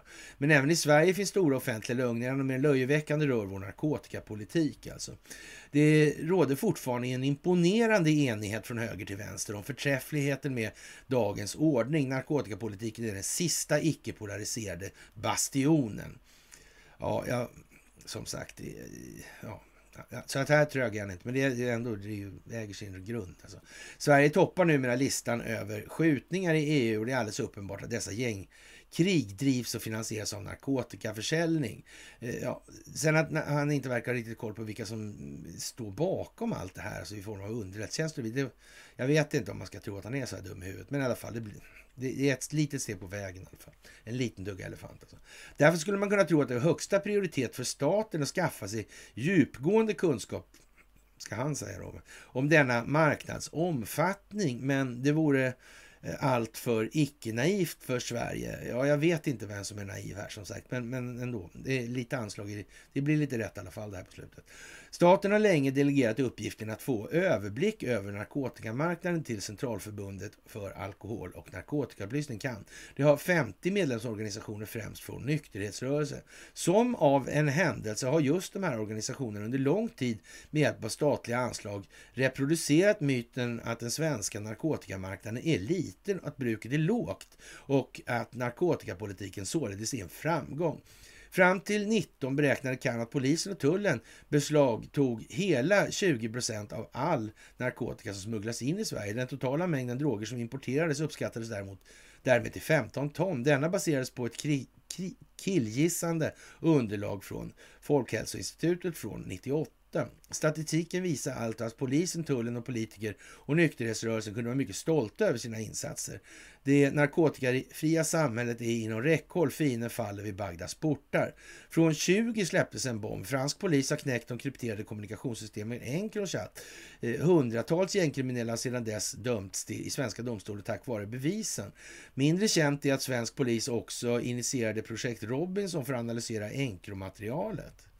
Ja, Slutsatserna slår undan benen på de tidigare uppskattningarna av narkotikamarknadens storlek. Numera är polisens bedömning att mellan 100 och 150 ton narkotika smugglas in i Sverige varje år. Över natt tiodubblas alltså den svenska narkotikamarknaden. Man har kunnat tro att det, skulle skapa rabalder. Polisen och tullens beslagsandel visar ju därmed bara vara ynka 2 procent. ICA har ett större provsmakarsvinn än så i fruktavdelningarna. Det tycker jag var lite kul skrivet i och för sig, inte var jätteroligt. Men, ja. men den svenska linjen ligger fast. Det finns inga amerikanska soldater i Bagdad. Förespråkarna av den strikta narkotikapolitiken klamrar sig nu istället fast vid Eh, det höga antalet narkotikadomar i Sverige. Sverige spöar skiten ur alla andra EU-länder i denna gren. Eh, vi har 17 000 narkotikabrott per miljon invånare. I de rika EU-länderna i övrigt snittar man mellan 3 och 8 000. En viktig förklaring är att andra länders lagstiftning främst är inriktad på innehav och försäljning. Sverige har en tämligen unik lagstiftning som även kriminaliserar bruk av narkotika. Ja, men man tar det sista ledet får man ju bättre statistik. Ja, det är väl inte så konstigt. Men jag vet inte eh, om man ska säga, är han så här dum då? Jag känner honom inte så alltså, så jag vet inte. Men det verkar ju eh, över hövan trögt alltså. Så kan vi säga. Ja, Polismyndighetens törst för urinprover är outsinlig. År 21 dömdes då cirka 30 000 människor i Sverige för narkotikabrott. Det är drygt, eh, ja, det är drygt 80 personer per dag. Trots detta lyckas man alltså enbart eh, störa omkring 2% av narkotikamarknaden. Frågan är hur länge staten eh, genom den här typen av amatörmässighet ska låta de ned, hederskulturella lättkränkta gettogäng som tagit greppet om svensk narkotikamarknad får göra bruttovinster på 15 miljarder per år. Alltså jag vet inte vad man ska säga om det där riktigt. Alltså, eh, ja. Om man inte har fattat att tullen har varit korrumperad och ryckt upp sig. De har ju fått ledarskapsutbildning gubevars. Det till och med eh, införs numera också på Åklagarmyndigheten och dessutom är det samverkansorganisation i vardande i de här sammanhangen. Mm. Det handlar om mycket om att se på sig själv och förstå varför man gör olika saker här i världen. Mm. Det här verkar Hanif Bali inte ha en aning om, utan han tar i den ändan. Det, det är gängens fel alltså. Sen att hela underrättelsetjänstkollektivet är behjälpligt och tullkriminalen och rederierna. Det spelar ingen roll. Nej. Oh. rest my case, det gör jag ju naturligtvis inte, men ändå alltså. Ja, Folkhälsomyndigheten vars felaktiga kalkyler lade grunden till de här lögnerna har bönat och bett om att få utreda effekterna av den förda narkotikapolitiken. Tidigare socialminister Lena Hallengren och justitieminister eh, Little Morgan eh, Eh, vägrade vända på denna sten. Alltså, de amerikanska styrkorna tar livet av sig själva i hundratal vid åsynen av den irakiska armén. Alltså. Frågan är även om deras efterträdare Acko Ankarberg Johansson och eh, Gunnar Strömmer tänker göra sig själv till lika stort åtlöje som Mohammed Said al-Sahaf. Ja. ja, vad ska man säga? Det är ju som till att tala lite sådär... Eh, det blir lite kluvet, va? Blir det inte det? Jag tycker det ändå. Och, och som sagt, det är... Ja... Det står ju någonstans någonting bakom det här alltså. Mm. Och kan det verkligen vara en slump att man har gjort så här med narkotikapolitikens fader Nils Bejerot, Jonas Artelius, Carnegieinstitutet och så vidare. Mm. Farlighetsgraderna, prisbildningen på narkotika. Det verkar som att man har suttit om hela huset där. Mm. Och till, tullkriminalens underrättelsetjänst. Ah, som sagt, alltså, det var tidigare väldigt lätt att överskatta deras ambitionsnivå. Som någon initierades av. Mm. Mm. Ja, man vet ju inte.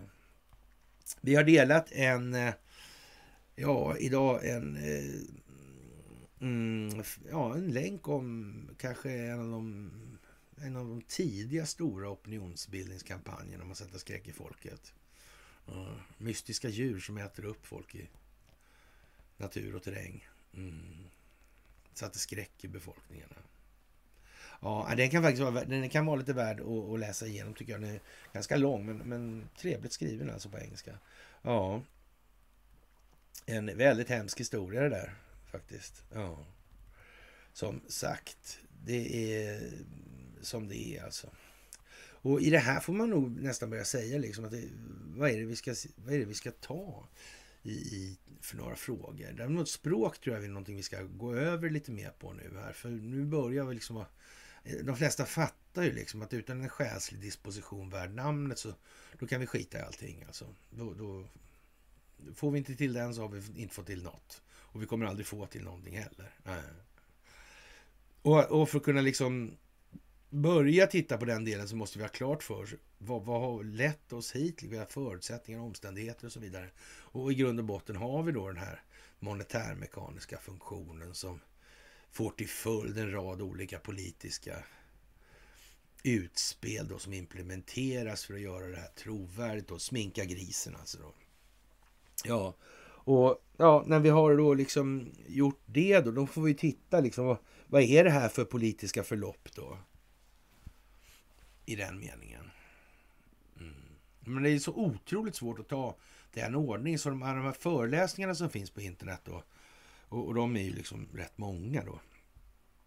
Jag vet inte hur många det är, men det är många, många, många i alla fall. Och, och ja, de här då, eh, de är upplagt, jag har lagt upp dem så. Alltså det börjar då liksom med, med geopolitiken och historiska delen av det här. Sen kommer monetärmekanismen, som kommer det själsliga då. då. Mm. Så man får ta, men nu, kan man, nu behöver man inte göra så längre alltså. Jag ska säga att från 12 till 15 ungefär, 12 till 14, 12 till 14 12, 13, 14 där. Då kan man säga att det är hyfsat trögt med ja, den ja, intellektuella delen alltså i det här, alltså det här, eller den filosofiska delen av det här. Den filo, filosofiska idealismen, den hade liksom inte...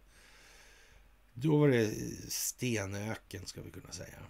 Utan att överdriva, det allra minsta. Men sen tog det sig då liksom ordentligt där. Så säga att de sista, eller senaste åtta åren har ju varit... Det trodde man inte ens att det skulle kunna bli så då, som det var då. Kan jag meddela. Det var riktigt larvigt alltså. Ja, och när det gäller valet i USA så det finns ju liksom hur mycket som helst alltså. Och det är inte en bokstav i svenska medier om det här. För svenska medier är nog till för att hålla uppe det här så långt det går. För att försöka få med sig så många som möjligt. Mm. Det får inte bli liksom det här med att någon snodde Clinton och avrättarna på... För det blir fel. Det kommer ingen ändra ett skit alltså. Det måste få med folk, få dem att fatta. Så. Och därför blir det ingen sån där förlösande dramatik. Det är inte det det här går ut på. Det här är inte liksom att folk ska få sina vanföreställningar bekräftade. Det här handlar om att människor ska utvecklas. Människor ska förstå sina egna känslogrundande värderingar på ett bättre sätt så att de kan göra mer adekvata bedömningar och fatta mer rimliga beslut. Mm. Det är så liksom. Så man får tänka sig för lite här nu. Ja, och eh, ja, vad ska vi säga? Det här med DNA och mm, mRNA-vacciner och mm, genmodifikationer. Ja, patenträtt. Vad sa vi om den här immaterialrätten? Vad sa vi om det? Ja, han var Petri, han var något sånt där. Mm. Gunnar Petri, ja. Han på det där nästets försvarsrationaliseringsinstitut. Mm, de hade rejält med vakter de. Mm. Så, ja. Fantastiskt alltså. Mm. Jaha, och eh, det verkar vara på något vis som att Ericsson har funnits då i en väldigt massa länder och, och det verkar som att eh, i Grekland, eh, ja, så verkar det bli en sån här spionskandal nu. Man har spionerat på grekiska politiker och så vidare. Ja. Och, och det verkar precis som att de här eh, ericssonreport.com där har faktiskt haft någon i något sammanhang som har uttryckt sig inför kongress och sådär. Och en rad andra prominenta personer har lyssnat till det här också. vi för vår del har matat Ericsson Report med massor med saker under rätt så lång tid dessutom. Mm. Det har vi gjort. Det är konstigt. Mm. Eller det är kanske inte så konstigt. ja, alla vägar leder till Rom då i alla fall. Jaha, och i en folkomröstning i Slovenien på söndag röstar 62 procent ja till ett förslag om att minska det politiska inflytandet på public service-kanalen RTV Slovenia, rapporterar AFP alltså. Ja, jag vet inte. Som sagt. Vem ska hålla i vad och varför? En korrumperad stat, alltså institutionaliserad korruption, det är det sämsta av allt jävla dåligt. Och den styrs då av globalistintressen. Det är nog den sämsta modellen. Det är Sverige. Alltså. Mm. De andra må ju ha en korrumperad stat, men de har inga enskilda intressen ovanpå som styr allting i alla fall. Det är helt säkert. Utan de styrs, ja, lustigt nog av just den här lilla ligan. Då. Det är fantastiskt. Och Slovenien röstar alltså för att avpolitisera public service. Jag vet inte om poli politisera är, är begreppet, kanske så avkorrumpera snarare. Som gäller där. Mm. Som sagt. Och, och, ska man då publicera information så ska det ske i samhällsnyttans tecken. Det ska ju liksom inte vara någon enskild jävla preferenskarta som blinkar igenom som en färgpalett hela tiden. Eh, det ska det inte vara. Måste komma ihåg att hålla det där. Vad är det som är syftet med vad där egentligen? Det är viktigt som fan faktiskt. Och det är väl en distinktion kanske som inte alla har så där jättelätt att göra då. Det kan man väl i viss mån förstå fortfarande tycker jag. Och eh, ja, Euronews Com. Ja, man hör ju nästan på namnet Euronews liksom. Det är något med EU då. Alltså, och sen, eh, då kan man ju tänka sig för adressaten. Liksom, är det Langley, Virginia på det där då? Det kanske det, ja. Mm, kanske det, ja. Kina uppmanar Xi Jinping att avgå. Eh, ja, det är jättemycket det där. Det, och det, det värsta av allting är att Xi Jinping inte kunde räkna ut det här. Och han använder inte de här covid-lockdownsen för att plocka in massa dissidenter. Nej, det gör han inte. Mm. Han gör det för att uppvigla folk istället. Mm. Hur länge hade de här eh, som la sig i Kinas inre angelägenhet på ett brutalt vis? Hur länge hade de varit där då? Kan i midsomras bara. Mm. Ja, det hörde jag också.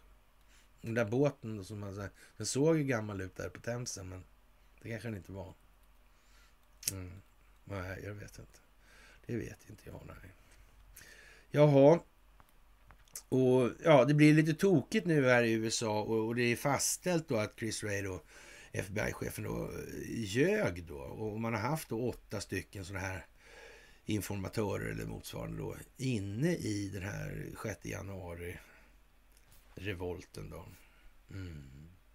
Och det där blir lite tokigt för han liksom vittnar ju då om att de var inte alls eh, inblandade i att ja, uppvigla och sådär, instigera. Och vid ett annat tillfälle har sagt att de inte var med alls. Ja. ja, ja. Och det här planlades åtminstone ett år i förväg. Hur visste man det då? Att det där skulle bli så? Ja, hur kunde man veta det? Ja, det är ju vad det är nu. Alltså. Men det tar lite tid det här som sagt. Och eh, det är ju som det är helt enkelt. Och vad ska vi säga egentligen om det här med varför håller man an de här äh, undersökningarna, de här rörbomberna och sådana grejer? Ja, men det är liksom ungefär av samma anledning. Man veta, hur fan kan man veta att det ska bli en sån där marsch typ ett år i förväg? Men då har man ju planerat massa andra Måste man ha planerat massor med andra grejer? Mm. Det kanske är så alltså. Är det så jävla noga då? Kan det vara det? Jag vet inte. Kanske det är så också att de mäter house också. Ja, vem vet. Ja, det här är en tid som vi aldrig har upplevt förut alltså. Och ja, i eh, USA då så det här valet, det verkar ju vara liksom så att det är jättemånga människor som engagerar sig i det här. Och eh, en sån som Malin Ekman där då i Svenska Dagbladet säger ingenting om det här och säger att Donald Trump är dum i huvudet orangehårig och fortfarande hävdar att det varit valfusk. Och när det visar sig nu den här FTX-firman då, kryptobörsen där, så visar det sig att när Katie Hobbs då, alltså motståndaren till Carrie Lake, alltså som, ja, hon verkar ha fingrarna i där också, alltså ovanpå allt annan skit alltså. Jag vet inte. Det där är, mycket märkligt alltså. Ja, det här förstår man knappt alltså. Jättekonstigt. Det verkar liksom bli mer och mer och mer och mer och mer och mer. Och det, ja, att det här ska hålla över julafton, det kan ni ju bara... Ja. Det blir jul att minnas helt enkelt. Sådär, alltså. mm. Det kan bli nödsändningar också då, kanske. Men annars är julen är ju lämplig för det. Då har ju folk med sin mat hemma. Så det kan ju vara bra faktiskt. Ja. Och eh, ja, Adam Schiff nu till exempel. Och hur stor är möjligheten att han inte är geofensad bortom jag vet inte vad. Det är ju liksom som det är nu bara. Och ja, den här kulissen överhuvudtaget alltså. Det, det börjar bli dags liksom att vi måste kunna vrida om det här nu lite grann på det rent personliga planet alltså. Vi måste ta det här dit hän. Vi kan inte sitta liksom, nu, nu får sådana som Cervenka och de här eh, dra skitjobbet eller skitlasset då i, i, i den ändan. Och sen får man ju då, ja lite grann som då den här, vad heter han, eh, Harley Bali var där. Ja, han får ju liksom köra, men det krävs ju nu liksom att tillräckligt många läser igenom det där, vad det är han säger för någonting egentligen. Vet han för fan ens vem Nils Bejerot är? Vet han vem Jonas Artelius är? Vet han, vet han någonting om det här farlighetsgradens roll för eh, ja, straffpåföljderna? Kan han något? för det handlar ju om pengar i den ändan då, så det är dyrare så att säga men farligare. Mm, det är högre straff alltså. Det där är ju liksom hur viktigt som helst och sett då att den där jävla löken då, eh, narkotikapolitikens pappa då, liksom har en dotter som är diagnosmakare. Det låter ju mer som ett dåligt skämt än någonting annat. Men det är lika förbannat den verklighet som gäller. Och, och det är som sagt alltså... Ja, ledning till vidare. Ledning till upplysning och vidare ledning och upplysning. Då. Sådär. Det måste bli som ett fiskstim liksom. Mm. Sådär. Och det är ju kanske ganska bra.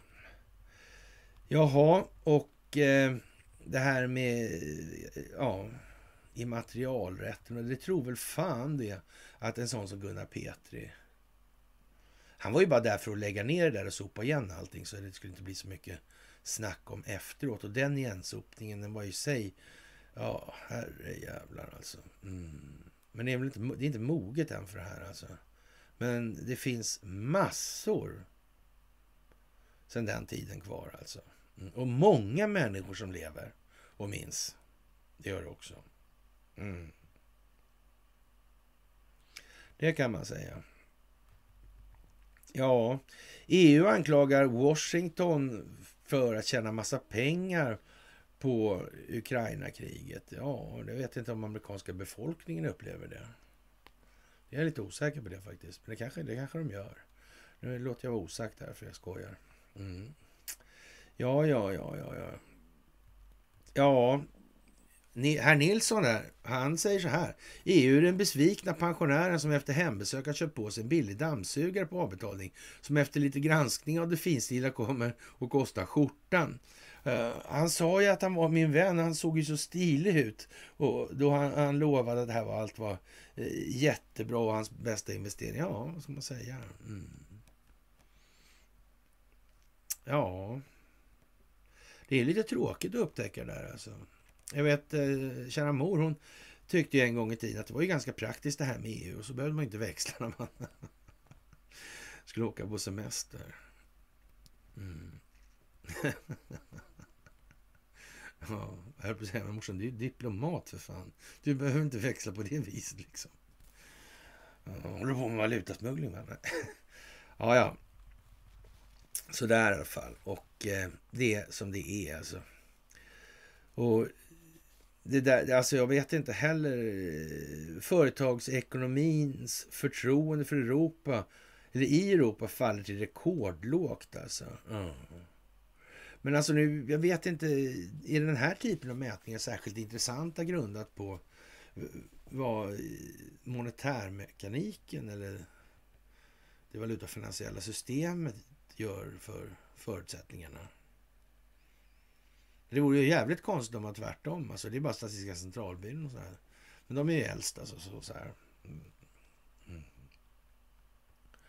Ja, man kan säga att Statistiska centralbyrån hade fått kung Herodes grön av avund alltså. Så är det bara. Mm. Ja, det här är som det är. EU föreslår skattechock för svensk snus alltså. Och, och, det kan man väl säga, vad ska man göra? Vad ska en stackars flicka göra i det här läget? Dieseln biter inte. Nej. Elen bet inte. Nej. Men ta bort snushelvetet då. Ja. Det är liksom... Det finns inget kvar. Det måste förändras. Folk måste förstå. Folk måste ägna sig åt självrannsakan. Folk måste släppa känslogrundande värderingar. De egna alltså. Någon annan kan de inte släppa. Nej, det är inte så där jävla svårt tycker jag, men i och för sig. Ja, och för att göra det här lite bättre då, Ukraina ber Sverige om elutrustning. Ja, men varför inte ta allting på en gång då? Ta hela landet. Men vad är det som krävs för att svensken ska reagera? Alltså, det är ingen som på allvar kan tro på det här på det viset. Alltså. Amerikanerna blir i alla fall förbannade. Och Tacke Karlsson säger liksom, vad fan är det, vem fan är det där liksom? Vem fan är det där? Här får han så här mycket och han säger han ska ha mer liksom. Men är äh, liksom, va? Ska vad då liksom? Det ska oss ingenting. I USAs fall kan man väl säga så här. Då måste ju de spela med för, ja, underlivsporslinets skull en stund så där till. Men jag menar, eh, all den stund som folk ser det där då, att han står och kräver en massa saker av amerikanerna.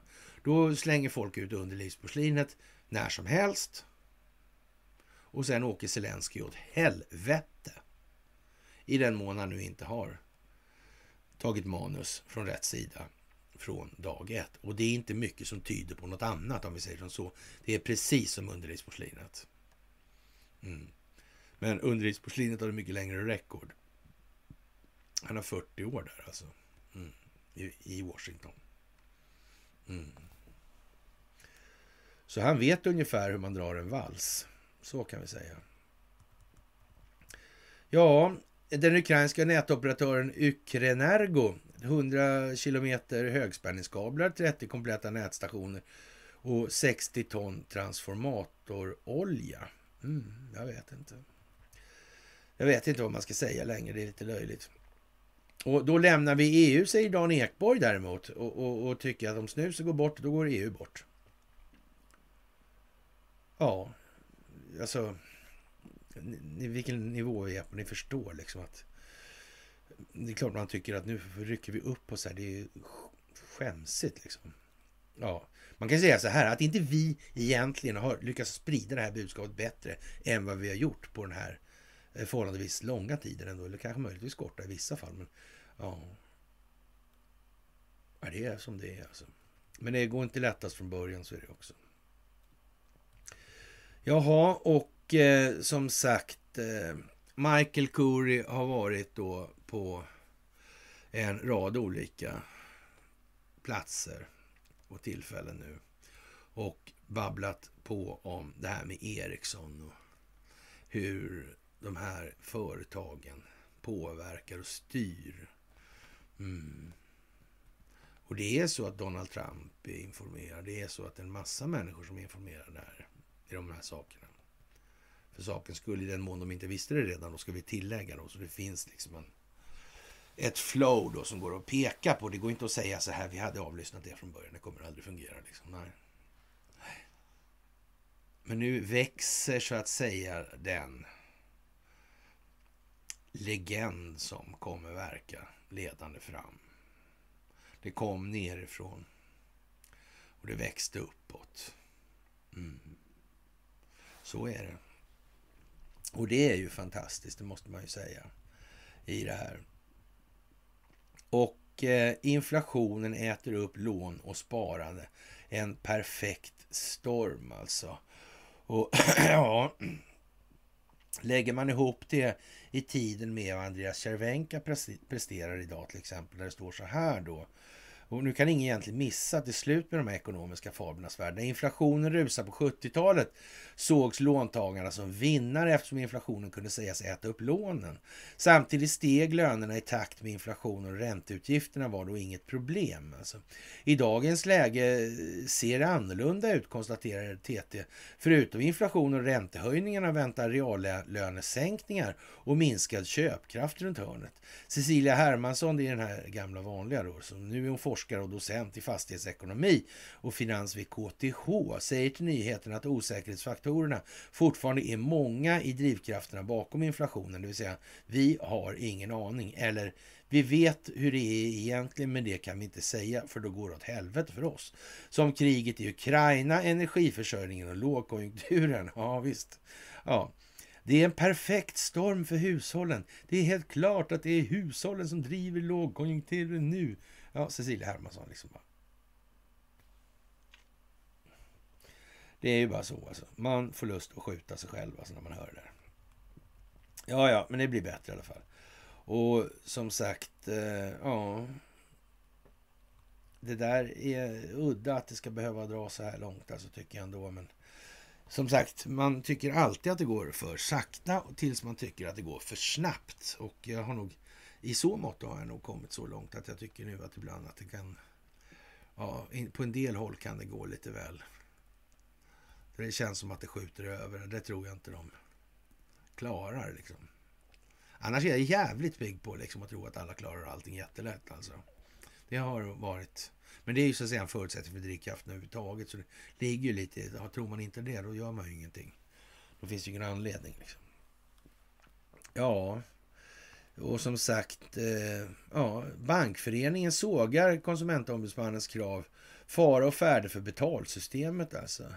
Och, och, det här med, ja, det här med enskilda vinstmaximeringsintressen i betalsystemet alltså. Borde inte, inte det, är inte det liksom en infrastrukturell angelägenhet? liksom nästan av essentiell natur, alltså en vital grej för samhället. Att man ska kunna sköta betalningar för att det ska kunna bli en arbetsdelning. Jag vet inte, men jag har för mig att jag har stött på det. Jag har sett det någonstans eller sådär kanske. Ja, men lite så alltså. Och ja, det gäller ju de här bedrägerierna som händer då på och bankerna ska stå då för det. det, det och det verkar inte så populärt i alla lägen alltså. Och, och ja, skulle det vara så att det var en revolution i ansvarsförhållande, då skulle vi i praktiken att det icke fungerade betalsystem. Alltså antingen ska de tjäna sina mycket pengar och så finns det inte. Ja, kan man lämna ut sina koder, få sina konton tömda utan att det kostar kunden något, då har vi skapat grogrund för en slags gru gruppbedrägerier där man kan tömma varandras konton utan kostnad. Då är det fara och färde för betalsystemet. Ja, men menar de då att de inte har kontroll på det där och kan titta? Hur betalningarna går på bankerna. Men vänta nu här, var det inte någon sån här uh,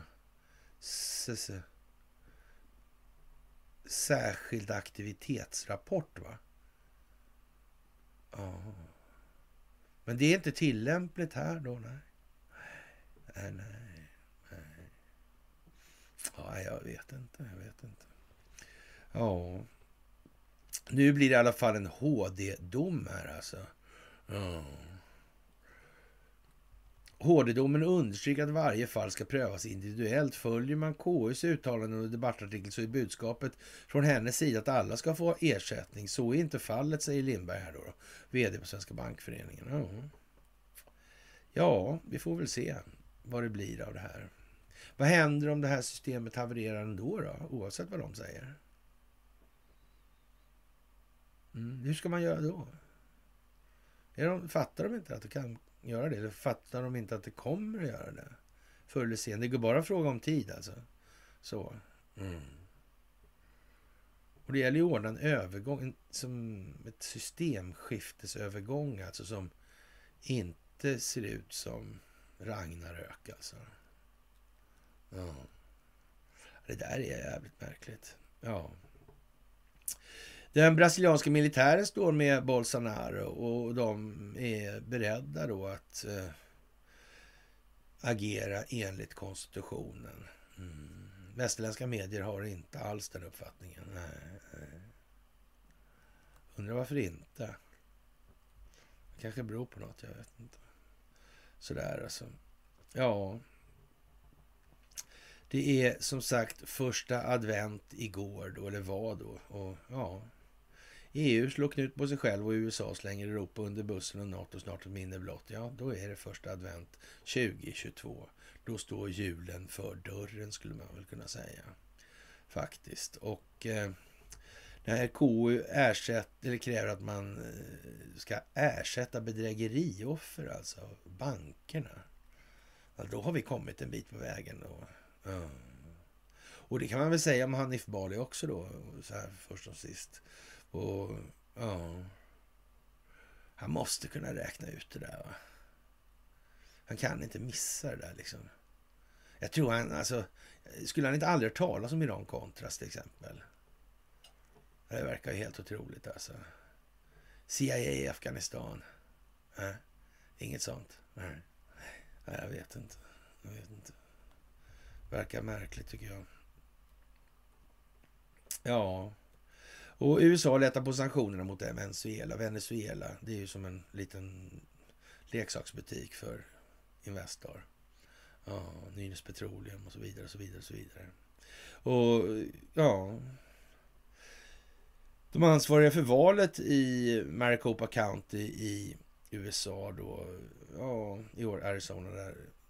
De ligger lite halvpyngligt till alltså. Mm. Stämningsansökan inne från Karen Lake där. Eller Carrie Lake. Mm. Det är ju lite sådär.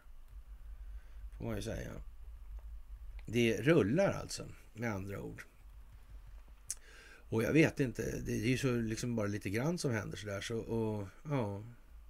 Och ja, FBI som har gjort allt annat så jävla bra då och har naturligtvis gått i fällan och stoppat i en massa falsk dokumentation som har då fram, vilket framkommer nu då i den här Mar-a-Lago-räden då. Kan det vara planerat? Kan det vara liksom riggat för att det ska bli så här och exponera? Mm. Göra en optik som är tillräckligt tydlig. Människor ska förstå, människor ska se, människor ska uppleva, känna. Identifiera sina känslor i förhållande till vad de tyckte och tänkte innan de fick den här informationen? Har någonting ändrat sig? Eller är det likadant hela tiden? Ja, det vet man ju inte. Som sagt. Ja, det är ju speciellt när Boris Johnson delar ut då en massa saker i Ukraina eller ser till att det kommer dit alltså. Och ja, det verkar vara någonting med, ja, det verkar vara, det verkar vara Investoranslutet eller anknutet i alla fall i, i någon liten... Jag tror det var Mölnlycke till och med. Va? Ja, det, det, hade inte de någon del i det där? Va? Det var en liten del bara tror jag. Ja, jag tror det var det. Så det, det, det må ju vara så. Mm. Det betyder säkert ingenting. Nej. Jaha. Och Och eh, ja, en man som sitter lugnt i båten. Och ja, jag vet inte. I Dagens Nyheter i... Det var lördags, va? Tror jag. Nej, det var igår, tror jag. Så ja, vi tänker oss att Jimmie Åkesson sitter på baren, i baren på Titanic, lugnt sippande på ett glas vin. Slottsvin förstås. Folk omkring honom springer runt i panik och ropar att en katastrof är nära. Rädde sig den som räddas kan. Ja, Åkesson har fått igenom mycket av sin partis politik, inte minst i hjärtefrågan stoppa utvandringen. Ja, det står så. Mm. Åkesson bryr sig inte särskilt mycket om uppståndelsen och säger katastrof. Jag har inte sett några tecken på katastrof. Ni hör väl att orkestern spelar fortfarande? Då kan det inte vara någon fara. Det står dessutom i Rederiets broschyr att det här skeppet är osänkbart. Åkesson är vid den här tiden partiordförande i Lantmannapartiet R och har gjort ett bra val med löften om eh, sänkt pris på hästfoder. Han har just lämnat fartygets stora konferens där han under kristallkronorna förhandlat fram Sveriges nya regering. Bland annat tillsammans med Ulf Hammarskjöld som befinner sig på kommandobryggan givande diverse order samt liberalen Johan Staff som för närvarande lämnat baren och sökt sig ut på akterdäck för där serverar de korv. Ja, Åkesson har fått igenom mycket av sitt partis politik alltså. Mm, det är ju speciellt alltså. Ja, det där är ju lite konstigt alltså. Här står nu landet inför ett paradigmskifte med flera radikala förslag. Ett är att tvinga svenskar i Amerika åter, till återvandring. Ett annat är att skärpa kraven för utresetillstånd, bland annat genom att införa ett språktest i engelska. Anhörigutvandringen ska också stoppas. Eh, man menar att den förra regeringen ledd av Magdalena Branting misslyckas med integrationen, det vill säga förhindra det som också kallas för massutvandringen genom att inte stänga gränserna. Eh, detta var en allegori och året är inte 1912, vilket ni säkert redan har förstått. Då. Det här med Titanic lånar jag från filmen om fartyget som gick på ett isberg och sjönk. Mm, ganska osannolik historia egentligen. Ja, vad får de allt ifrån i Hollywood? Vad sa de där uvarna? Jaha, ja, ja. Ja, jag vet inte. Gul och gul och kanske. Järvar? Nej. På tal om monster. Ja, ja som sagt, att vara politiker 1912 var nog lite mer okomplicerat även om det fanns en del som påminner om vår tid. Till exempel näthandeln som tar kunder från traditionella affärer. Men 1912 var det gårdfarihandeln som ökade vilket ledde till avbräck för övriga handeln. Å andra sidan behövde politikerna på den tiden inte bry sig så mycket om klimatkris. Idag är det en betydligt tyngre fråga. Fast så mycket uträttat blir det ju naturligtvis inte. Nej. Jag tycker inte man ska blanda ihop klimat och politik. Det blir bara rörigt och framförallt sämre för klimatet. Det är väl för övrigt något som den nuvarande regeringen tagit åt sig. Vi återvänder till 1912. Hur går det för Åkesson? Jo, han sitter kvar på sin barstol och sippar på en gin och tonic. Ja, han har fått sällskap av partikollegan Rick, Rickard Katastrofhot som dricker en lokalproducerad tidöl. Eh, Åkesson är fortfarande helt oberörd trots att nu lutar golvet rätt betänkligt. Han talar om naturlig sjögång och ropar Hovmästaren, kan man få lite mera is till drinken här? Något säger mig att ni har ganska gott om is, hö hö. Tally ho, liksom. Jaha, ja, det var väl en, ja, en man sitter lugnt i båten, ja. Mm. Ja, vad ska man säga? Det där är svårt, va? Det är det ju. Och när det verkar som att oberoende medier i Sverige har nått botten, då knackar opartiska svenska bloggare på underifrån, skriver ryska UD på sin hemsida alltså. Och vad fan ska man säga? Det handlar om Kornu alltså. Mm. Det här Corny Moment som vi har pratat om och i de här romanerna han har skrivit. Och det där är ju lite lattjo. Alltså, är han också så där jävla dum i huvudet som han ger sken av? Är det verkligen så illa? Mm, Man vet inte. Men själva lanseringen av honom då? Om man säger så att den här eh, herr Jönsson då. Ja, som, ja, pass i övrigt då, men eh, han eh, är ju nu i DI. Det har ju Kornu varit en evighet. Alltså, är det någon liksom uppstigning då på den falska solidaritetens altare till allmän beskådan då? Eller vad, vad fan bygger det där på? Tidigare var det ju då eh, för, för länge sedan. Alltså, det var Leo Lagerkrans då, PM Nilsson då, eftersom vi hade grälat i några år. Sådär. Och, och sen kom Niklas Svensson då, tyckte jag kunde skriva lite för då, ja, TV4 och så, den här politikerbloggen de hade då. Och ja, jag gjorde det någon gång sådär. Och, mm, men de där verkar gå liksom samma resa liksom. Jag vet inte. Det är som ett mönster alltså. ja, vi skulle alla den vägen med andra. Nix. Inte alla. Nej, nej, nej. Saliga är det saktfärdiga som sagt var. Ja. Mm. Så är det ju. Jaha, och vad ska vi säga? Det här är ju fantastiskt det här att när tullen gör eller Europol gör det här så har man alltså samma eh, melodi som det här Q-fenomenet håller sig med. Alltså. Det är konstigt att det kan bli så. Alltså. Ja, det där är konstigt. Eller inte så kanske. Jaha, och som sagt, Xi Jinping talar om att Kina nu är villigt att arbeta med Nordkorea för världsfreden alltså. Mm.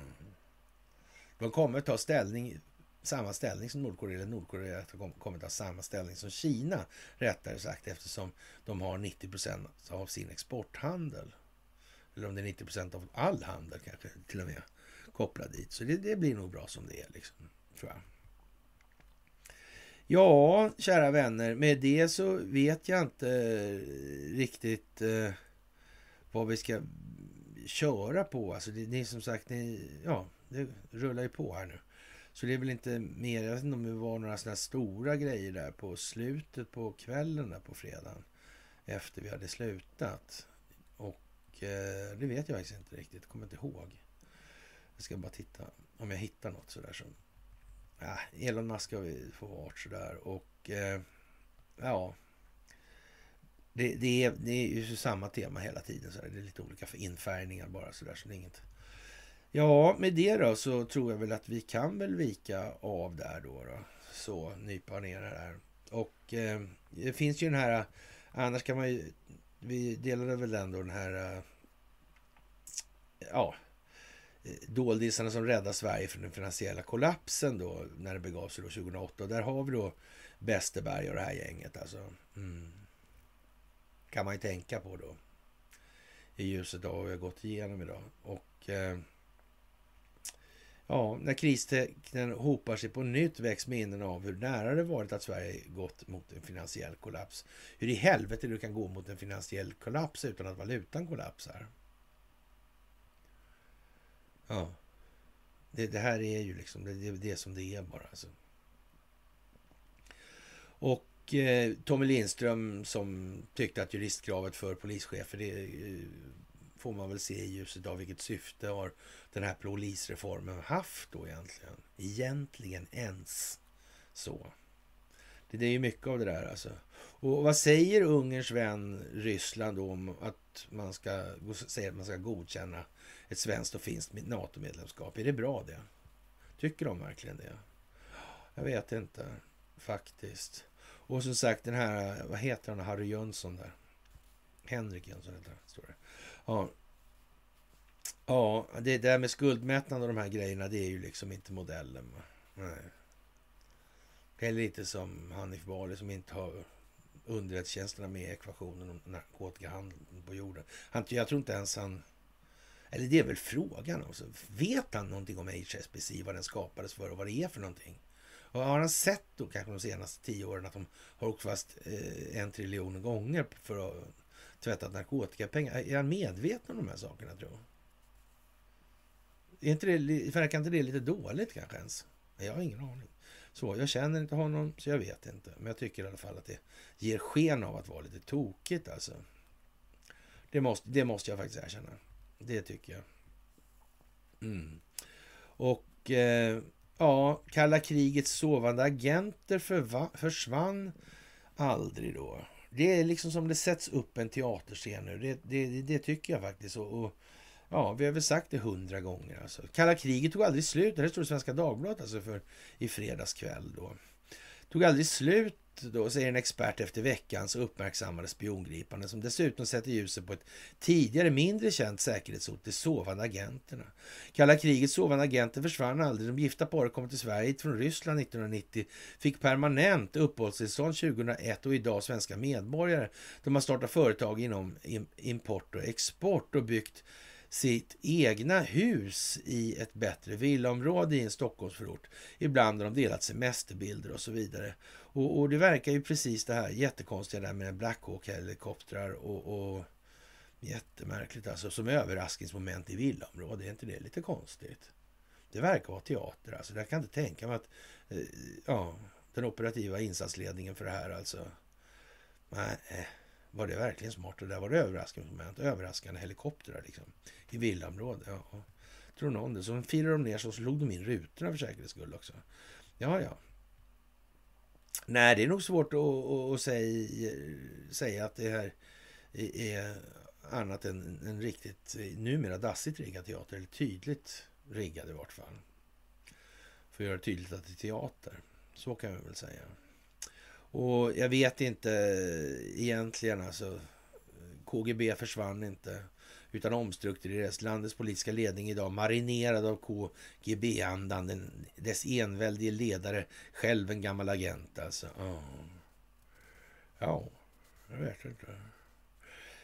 Åtminstone en tredjedel av alla högre potentater som sitter bredvid Putin är hans gamla kompisar. Framförallt från hans tid i Leningrad. Vad kan det bero på? Innan Putin, då var det exemplariskt. Plundringen av Ryssland, eller gamla Sovjetunionen. Den var exemplarisk. Ja, jag är inte säker på det alltså. Det är jag inte. Faktiskt. Inte alls. Jag tror att det är sådär. Ja, med det då så får man väl ja, i ljuset av att Ungerns parlament kommer att godkänna Sveriges Finland som fullständiga medlemmar i NATO beskedet från Viktor Orban då kommande torsdagen. Mm. I det så är det väl ganska bra alltså. Mm. 2020 i november där så skrev jag en sån här ja, gubbe. Fälla förtroende för läkemedelsbolag. Fälla covid-19 exponerande institutionaliserade korruptionen lite som en målsättning för vad det här folkbildningsprojektet gick ut på. Bara tiden dit är ju en bra stund alltså.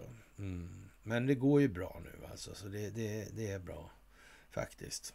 Och det här verkar vara som bensinmackarna är lite i farten helt enkelt just nu. Det verkar onekligen så. Men med det, kära vänner, så tackar vi för dagens lilla ja, tilldragelse. Och sen så hörs vi då senast på onsdag. Och så får jag tillönska er en jättetrevlig måndagkväll. Och ni är helt fantastiska.